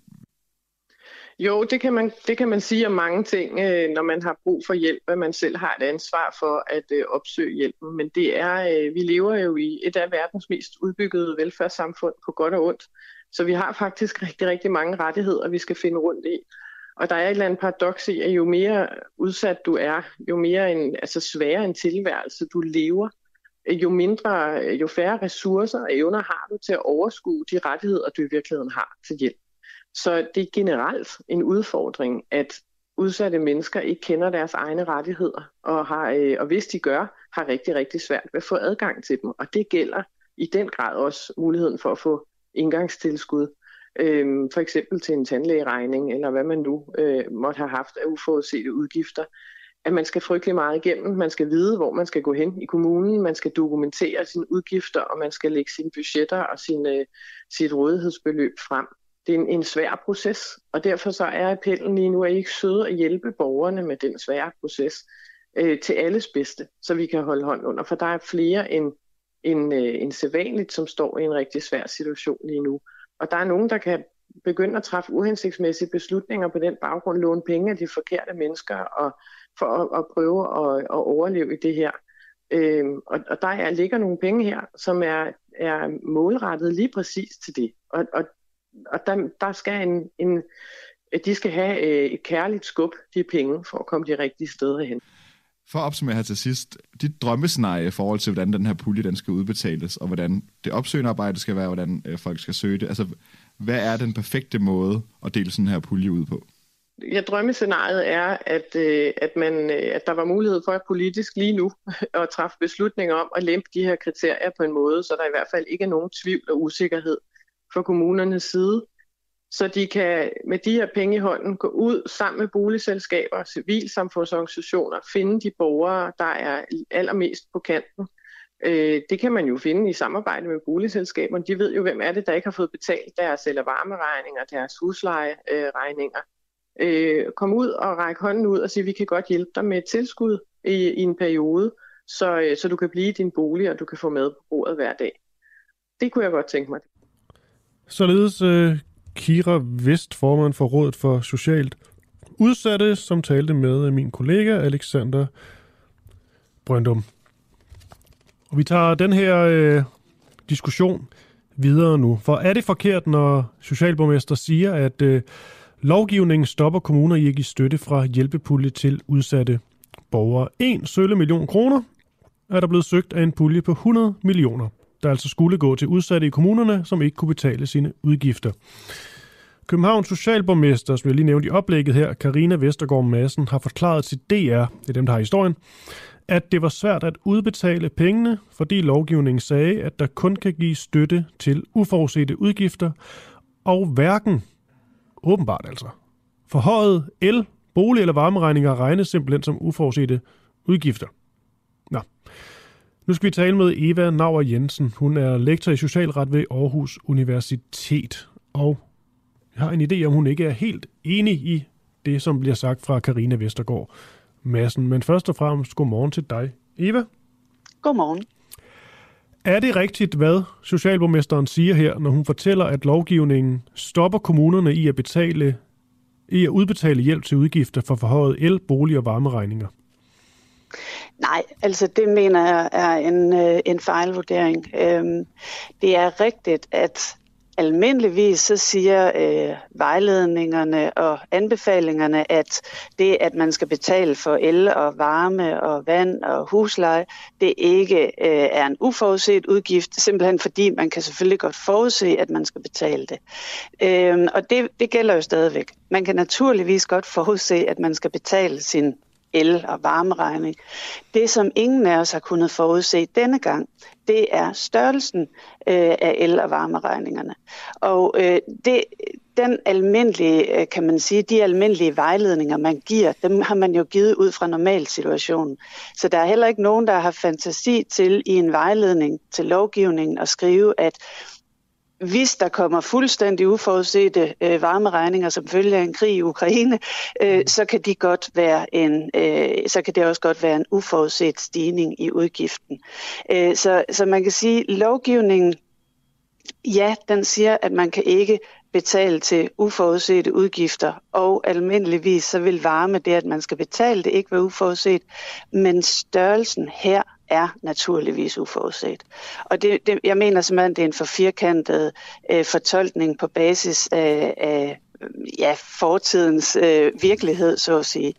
Øh, men så, er, er det ikke rigtigt, så det må være helt forkert. Ja, men er det ikke rigtigt så langt, at øh, så det socialborgmesteren gør, det er vel blot at forholde sig til det, der sådan er det almindelige, det, det gængse, og det man vel kan læse sig frem til. Det du gør her, det er vel også at, at tolke på en, øh, på en situation, eller, eller hvad? Ja, men her skal man jo skelne imellem, hvad der står i loven, mm. og hvordan vi fortolker loven. Ja. Øh, og, øh, og det er rigtig vigtigt at huske, at det der, ja, det, der står i loven, det er, at det, man kan give øh, til, det er øh, øh, i, for, for kontanthjælpsmodtagere, det er sådan øh, uforudsete udgifter. Så, så den måde, man normalt har tolket det på, der, det, det her, man skal huske, det er også en fortolkning. Det, man normalt har øh, anbefalet i sin fortolkning, det er at sige, men vær nu opmærksom på, at det, at der skal betales varme, det kan ikke være uforudset.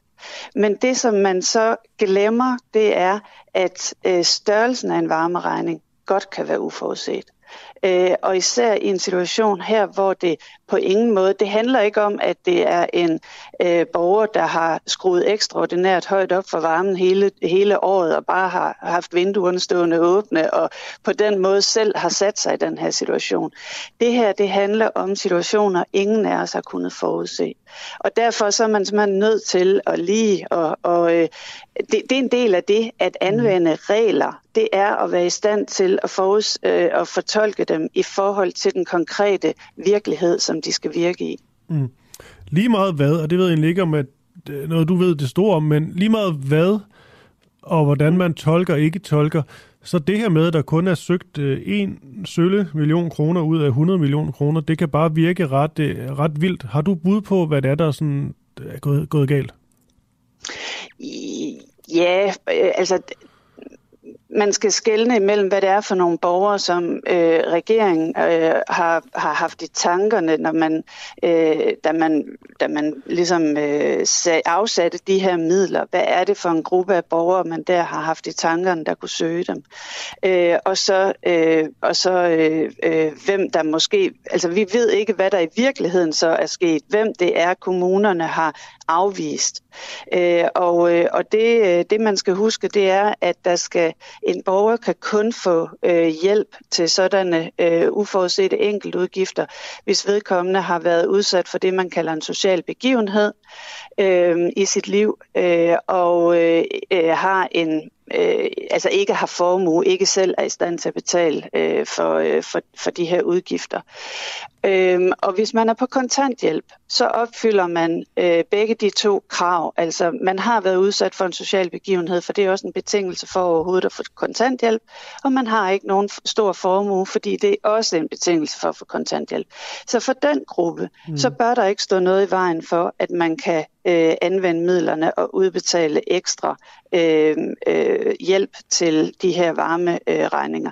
Men for andre grupper, øh, for eksempel borgere med øh, meget, meget lav indkomst eller øh, af anden årsag, der kan det godt være, at det her kan stå i vejen, de her krav, fordi de er lidt svære at øh, komme udenom, så at sige. De er meget klare i loven, og, øh, og, og det, at øh, varmeregningerne stiger, det er ikke nok til, at man opfylder kriteriet om at have været udsat for en social begivenhed, for eksempel. Det handler mm. om, at man har mistet sit job, eller man har mistet sin forsørger, eller noget andet. Så det er meget muligt, at man havde øh, i tankerne, at en større gruppe kunne være berettiget til de her midler her, end det, som loven faktisk giver mulighed for. Men billedet bliver meget svært at gennemskue, hvis det er rigtigt, at kommunerne har sagt nej til kontanthjælpsmodtagere med henvisning til, altså forkert henvisning til, at det her ikke er en uforudset udgift, jamen så, kan, så, så er det jo meget svært at vide, hvor, øh, hvorfor. Altså er det det, der gør, at man ikke har udnyttet øh, puljen fuldt ud, eller er det de andre grupper, øh, som øh, faktisk ikke er berettiget? Er det dem, der gør, mm. at man ikke har udnyttet puljen fuldt ud? Det er svært at vide.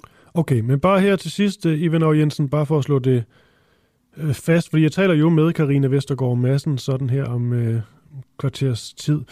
Mm. Og hun er jo øh, Københavns socialborgmester og siger altså til DR, at det var svært at udbetale de her penge, mm. fordi lovgivningen siger, at der kun kan gives støtte til uforudsete udgifter, og det er hverken mm. forhøjet el, bolig eller varmeregninger, altså sådan noget, der kan regnes som uforudsete udgifter. Mm. Så kan man mene om det, hvad man vil.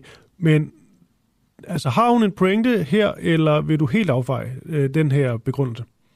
Jamen, den vil, jeg, den vil jeg helt afvise. Den er simpelthen for firkantet, for det er rigtigt, at det, at det skal betales, er ikke uforudset, men størrelsen er i den grad uforudset, og det er der altså rum for, at man også godt kan indfortolke i bestemmelsen. Okay, det var egentlig øh, bare det. Eva Nauer Jensen, ja. lektor i socialret ved Aarhus Universitet. Og så vil jeg egentlig bare sige tak, fordi du var med her til morgen. Jamen, det var så lidt. God dag. Tak. Tak lige meget.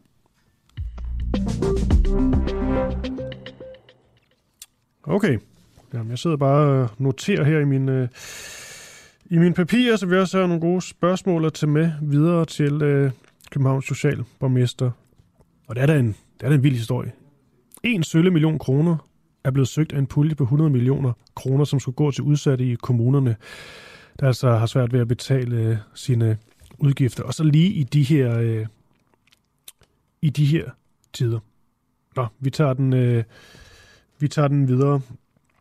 Før det, så... Øh, jeg vil ikke sige, at det er, en, det er en nyhed, det er også for meget at sige, fordi at den, øh, den er ved at udfolde sig sådan løbende, men øh, det virker til, at, øh, at der kommer nye ting i forhold til øh, Søren Pape Poulsen. Det er Ekstrabladet, der skriver, at der er nye ferieafsløringer ja, på vej. Det er det noget, de kalder for en, øh, en brøler, og det er noget med, at øh, der bliver jo måske blevet rejst øh, lidt for meget på, på sommerferie i coronatiden for øh, Søren Pape Poulsen var der også blevet holdt flere møder med den med dominikanske politikere, og det er jo hele den her sag med hans nu eksmand, som udgivet sig for at være noget, han så ikke var.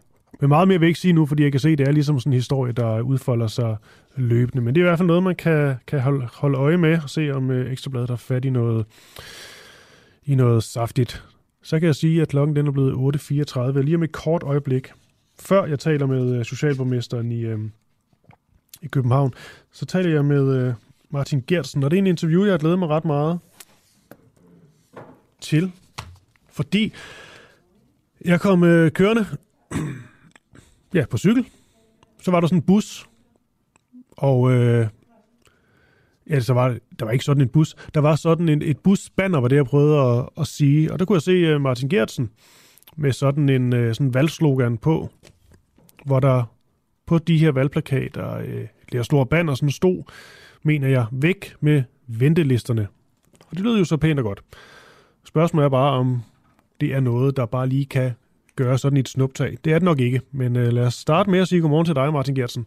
Godmorgen, nej, det er du helt ret i. Det er sgu nok ikke noget, der kan lade sig gøre sådan lige nej. hurtigt. Men det er ambitionen. Ja, og jeg skal lige sige, at du er sundhedsordfører for, øh, ja. for Venstre, så vi lige har det med.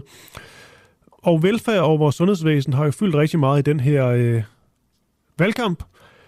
Især når det kommer til at fastholde og øge antallet af ansatte. Øh, men de her ventelister, der bliver snakket øh, så meget om, de er altså længere end, øh, end nogen sinde. Det er vel også derfor, du skriver på dine valgplakater væk med ventelisterne. Og man kan sige, det er jo sådan noget, som alle er enige om, er en rigtig god idé. Det vil være dejligt, men det virker også for mig ret så flyvsk. Fordi, hvad skal man gøre? Så vil du ikke lige komme med dit mest skarpe, konkrete bud på, hvad vi skal gøre? Ja, der er mange bud, men hvis du skal have det skarpeste, så er yes. det, at vi vil, så er det, at vi vil afsætte 1 milliard kroner øh, årligt, altså det vil sige også i de kommende år, så det er ikke bare sådan en engangsting, vi gør, men 1 milliard kroner om året, præcis med det formål at bekæmpe ventelister. Og det er penge, som blandt andet, og som nok i første omgang øh, skal bruges til øh, fastholdelse, for eksempel af de anestesisygeplejersker i det offentlige sundhedsvæsen, som der er så hårdt brug for øh, for tiden. Og så er der en masse andre ting, men, men nu sagde du, mm. bad du mig om én ting. Ja, jamen det er jo fordi, så skal vi... Øh skal vi ind til benet, så kan vi altid folde det mere ud, hvis det er. Ja. Så vil jeg gerne lige høre i forhold til, øh, til det her slogan.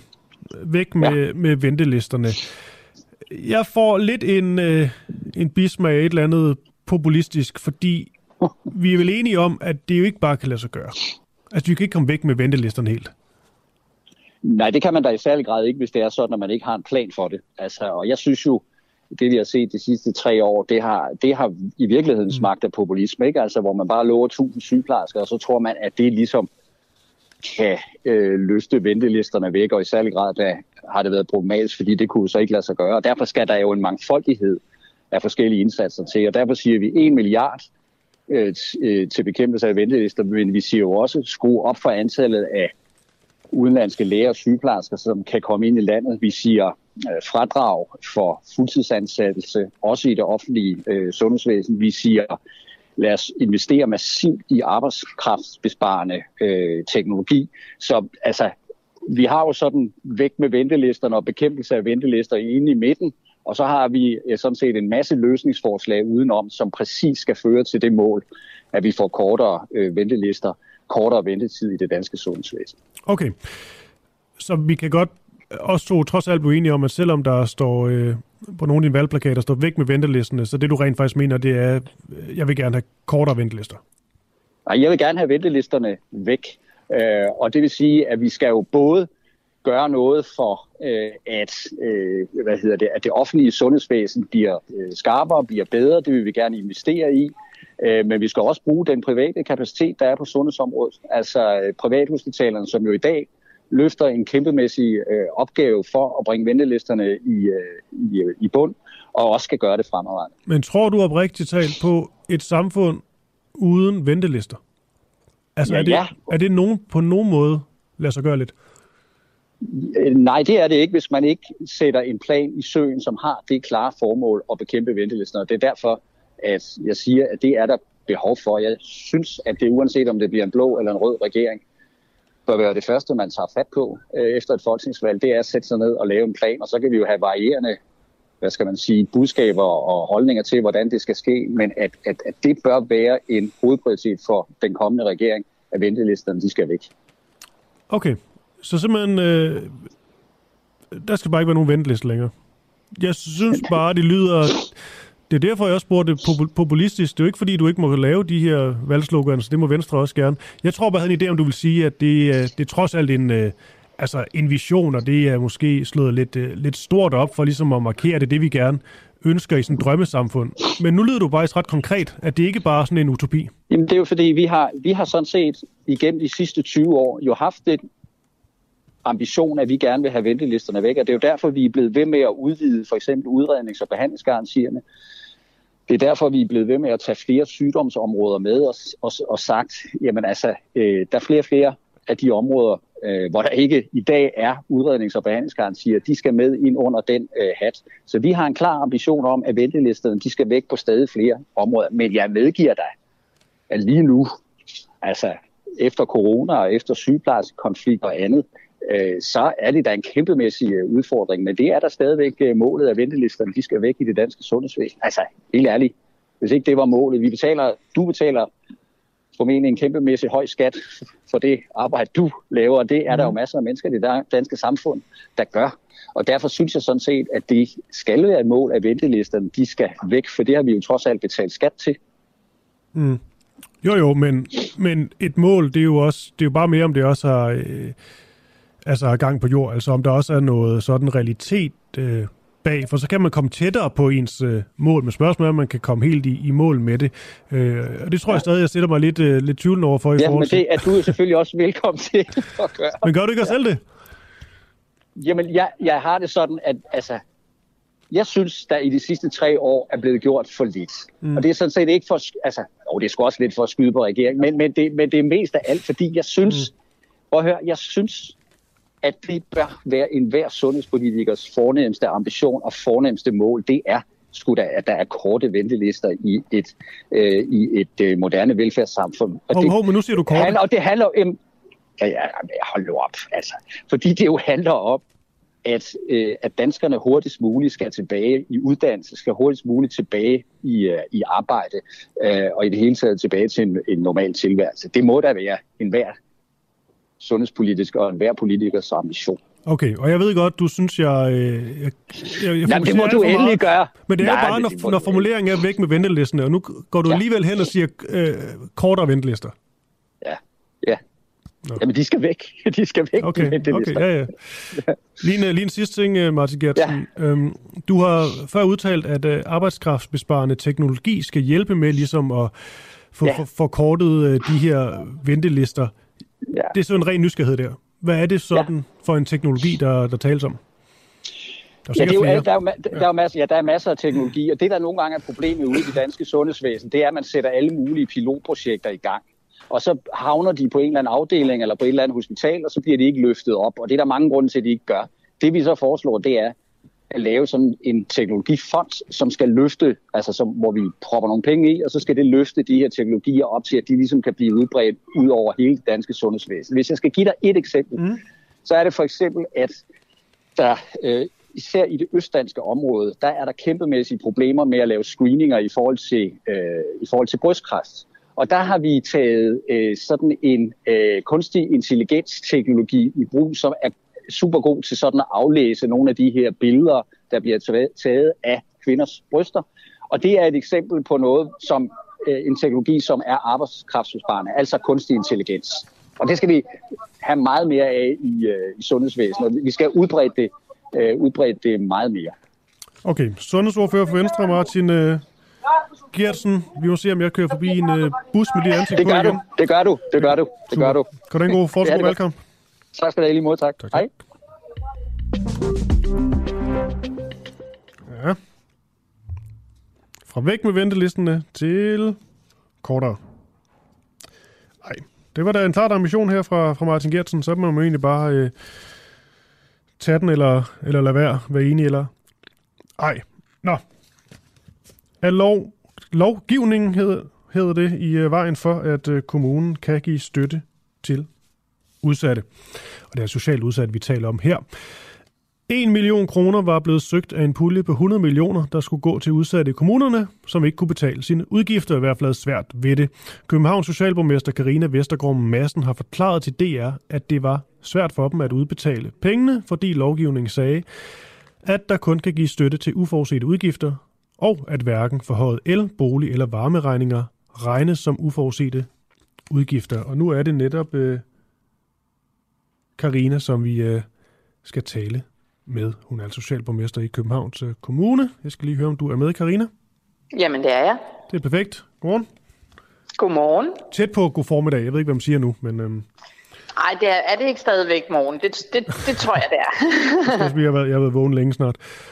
Øhm, nå, jeg skal ja. lige forstå det her med, mm. har I fået søgt nogle af de her støttekroner til udsatte borgere, siden du udtalte dig til, øh, til DR? Nej, det har vi ikke. Og det har vi ikke, fordi reglerne jo stadigvæk ikke er blevet ændret. Nej. Er det for dig at se nogle, øh, nogle regler, som gør, at det her bliver umuligt, eller ser I måske lidt for firkantet på dem?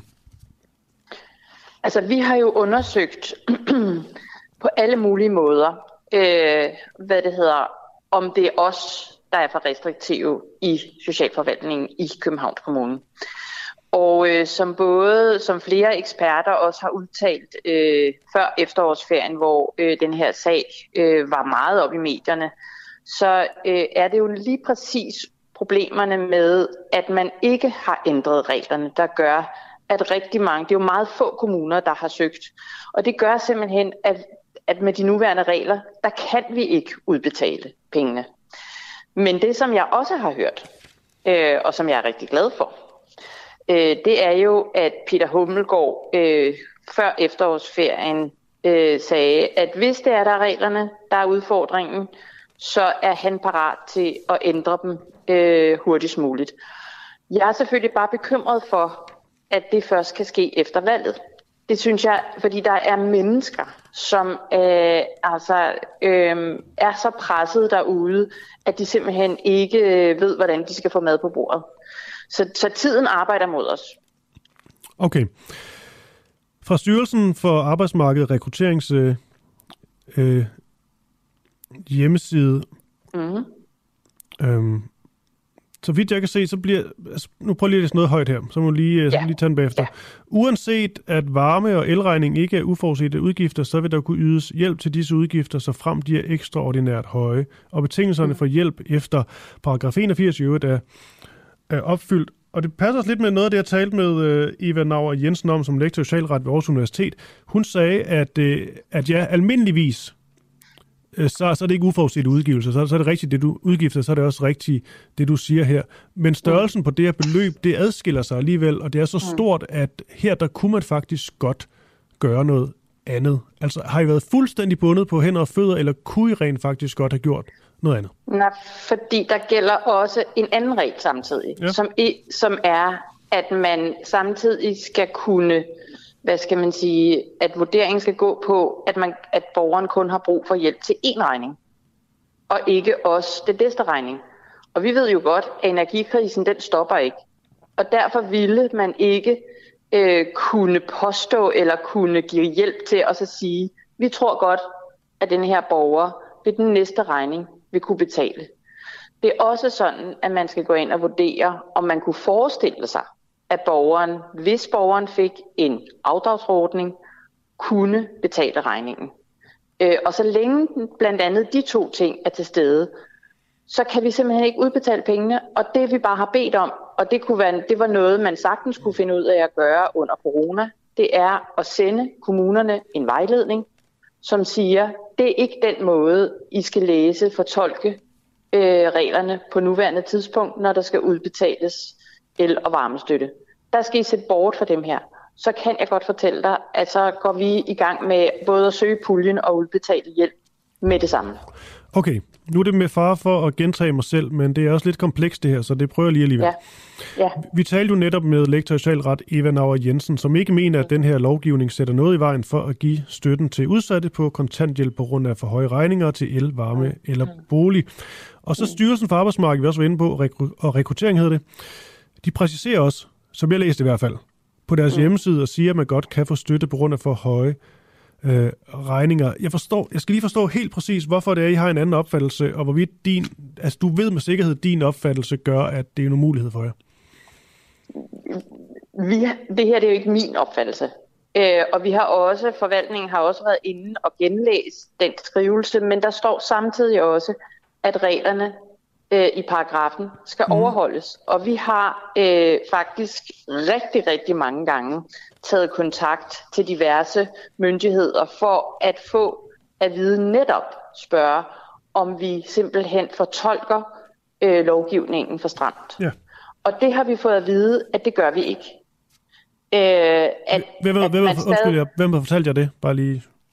Jamen, vi har både øh, taget kontakt til STAR, vi har også taget kontakt til Ankestyrelsen. Ankestyrelsen har godt nok i første omgang sagt, at de kan først øh, gå ind i en sag, når der kommer en konkret afgørelse. Det er vi så endt med at, at sende til dem. Og der har de så givet ret i, at den konkrete afgørelse, der er det rigtigt, at der kan vi ikke yde støtte. Øh, vi har så også, vi har også taget kontakt til KL, øh, for KL har jo været noget vage i den her sammenhæng. Øh, jeg kan forstå, at KL åbenbart har, har sagt til Peter Hummelgaard, at øh, der ikke er, at man sagtens, at der ikke er nogen problemer for kommunerne, men efterfølgende har de jo også øh, i, til medierne sagt, at de godt kan se, at der er en udfordring, og de opfordrer øh, ministeren til at øh, ændre på reglerne eller sende en, en vejledning. Vi har også kontaktet, taget kontakt til Beskæftigelsesministeriet for netop at høre, jamen hvordan skal vi se bort for øh, alle de her regler, og kan vi bare øh, udbetale støtten? Og vi har stadigvæk ikke fået en bekræftelse på, at det kan man godt. Mm. Jamen, det lyder også til, at I har gjort deres benarbejde, men, men grund til at også spørge, det er jo bare, når man læser øh, de her citater, øh, ja. Hvor der så senere står, der vi således, altså det er fra Styrelsen for Arbejdsmarked og Rekrutterings ja, hjemmeside, ja, ja, ja. Ja, og det er fra, jeg tror det er fra 7. 10. 2022, så lige er det ja. med.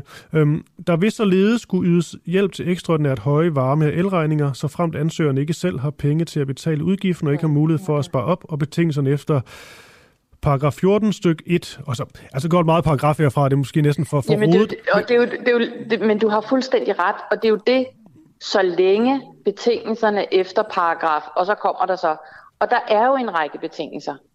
Så, øh, og det er de dem, der vælter læsset, skulle ja, jeg sige. præcis. Ja. Det er lige præcis det, der, venter, der øh, vælter læsset. Og det er jo tudetosset, ja, det skulle lige sige. at der nu ja. er penge til at hjælpe. Mm. Der er borgere, der er ved at gå for hus og hjem.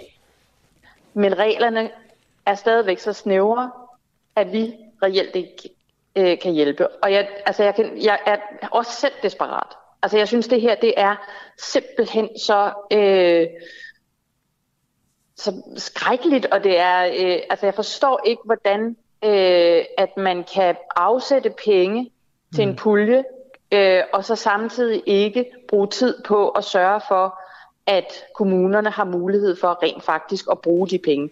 Jeg er så øh, glad for, at, fordi der var jo faktisk, ansøgningsfristen var jo sådan, at den udløb fredag før efterårsferien. Den er nu blevet forlænget, og det er jeg jo rigtig glad for.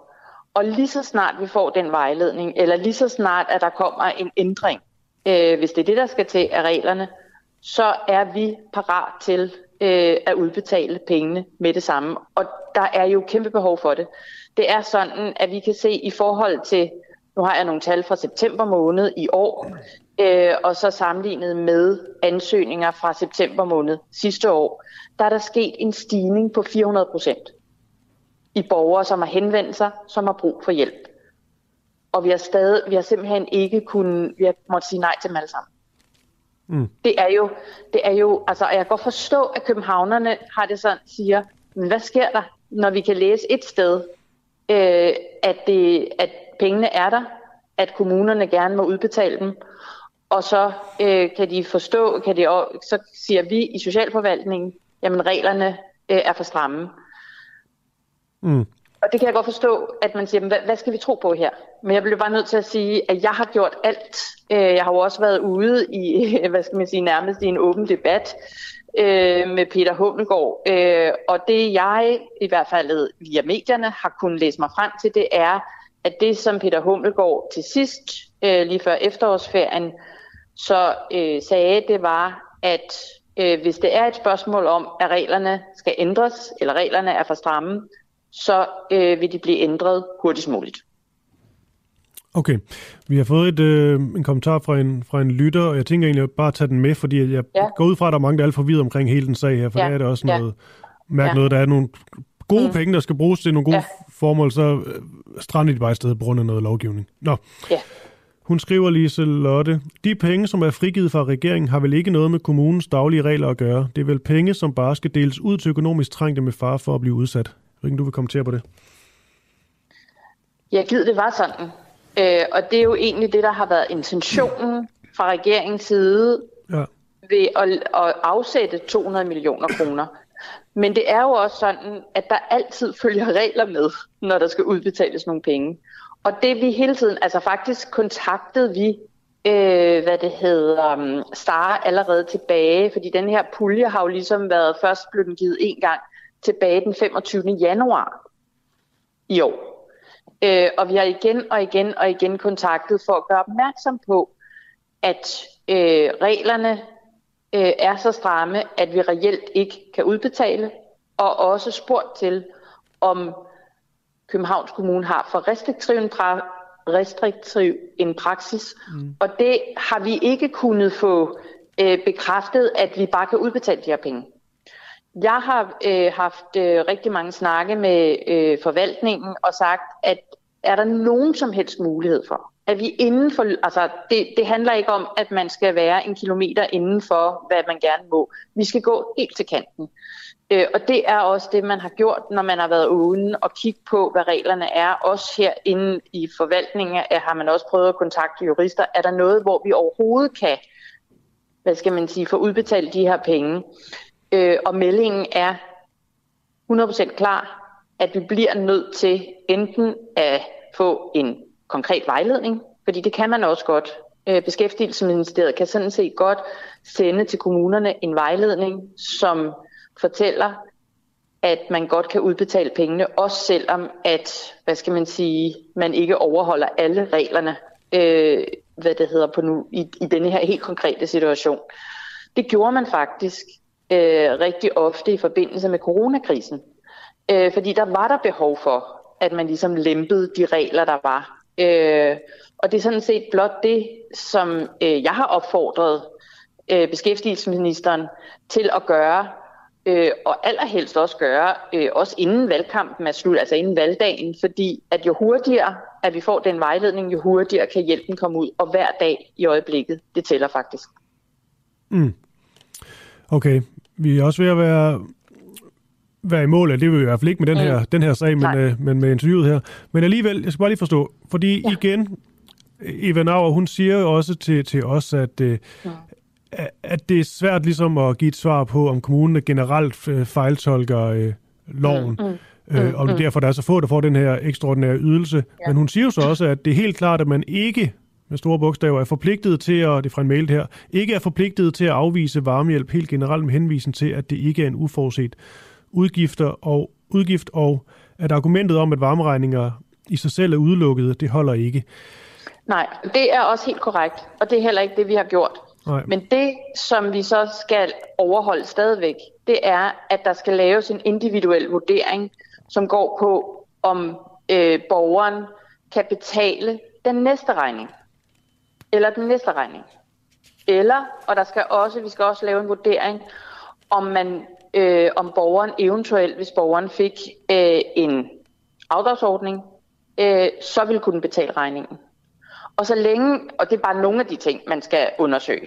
Øh, nu, men det er jo sådan ligesom to, bare for I får også blive ja, ja. lille konkret jo. Øh, og det bliver vi bare nødt til at få en vejledning, der går ind konkret og siger, det skal I se bort fra selvom vi står midt i en krise, selvom at sandsynligheden for, at borgeren lige pludselig øh, næste måned øh, får så mange penge, øh, og det er jo kun, hvis man vinder i lotto, hvilket sandsynligheden ikke er særlig stor for, øh, at man så også vil stå i en situation øh, i næste måned. At det skal I se bort fra. I skal bare, øh, hvad det hedder, hjælpe, øh, når der kommer en borger med en ekstraordinær høj el- eller varmeregning. Men nogen ville faktisk godt kunne blive hjulpet, ikke gør det nu, men så fordi det er for besværligt, så vælger man ikke Nej. at gøre det, eller for... Ja. Nej, nej. Det kan jeg sige, det ved jeg godt, at det har været også et spørgsmål, der har været op i medierne.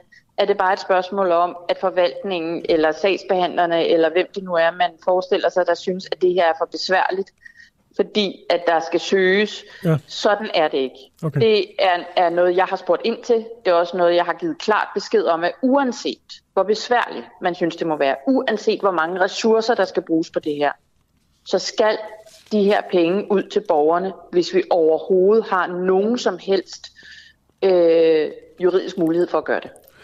Okay, Karina Vestergaard, øh, socialborgmester i Københavns øh, Kommune. Jeg skal til at slutte udsendelsen. Jeg vil bare sige tak, fordi du øh, stillede op og med et interview her, og det er socialborgmester ja. i Københavns øh, Kommune, og så forhåb- forhåbentlig så kommer der snart nogle penge til nogle af dem, der har brug for det. Jeg bliver i hvert fald ved med øh, at presse på for det her. Jeg kommer ikke til at øh, vente på, at der sker noget. Øh, jeg kommer til hele tiden at, at sørge for at huske øh, Beskæftigelsesministeriet på, at vi skal have den vejledning nu, fordi pengene skal ud til borgerne nu. Det er modtaget. Og tusind tak, fordi jeg måtte være med. Selvfølgelig. God dag. God dag. Tak. Og ja, vi er tilbage i morgen. Det er vist Camilla Boracke, der sender. Hej.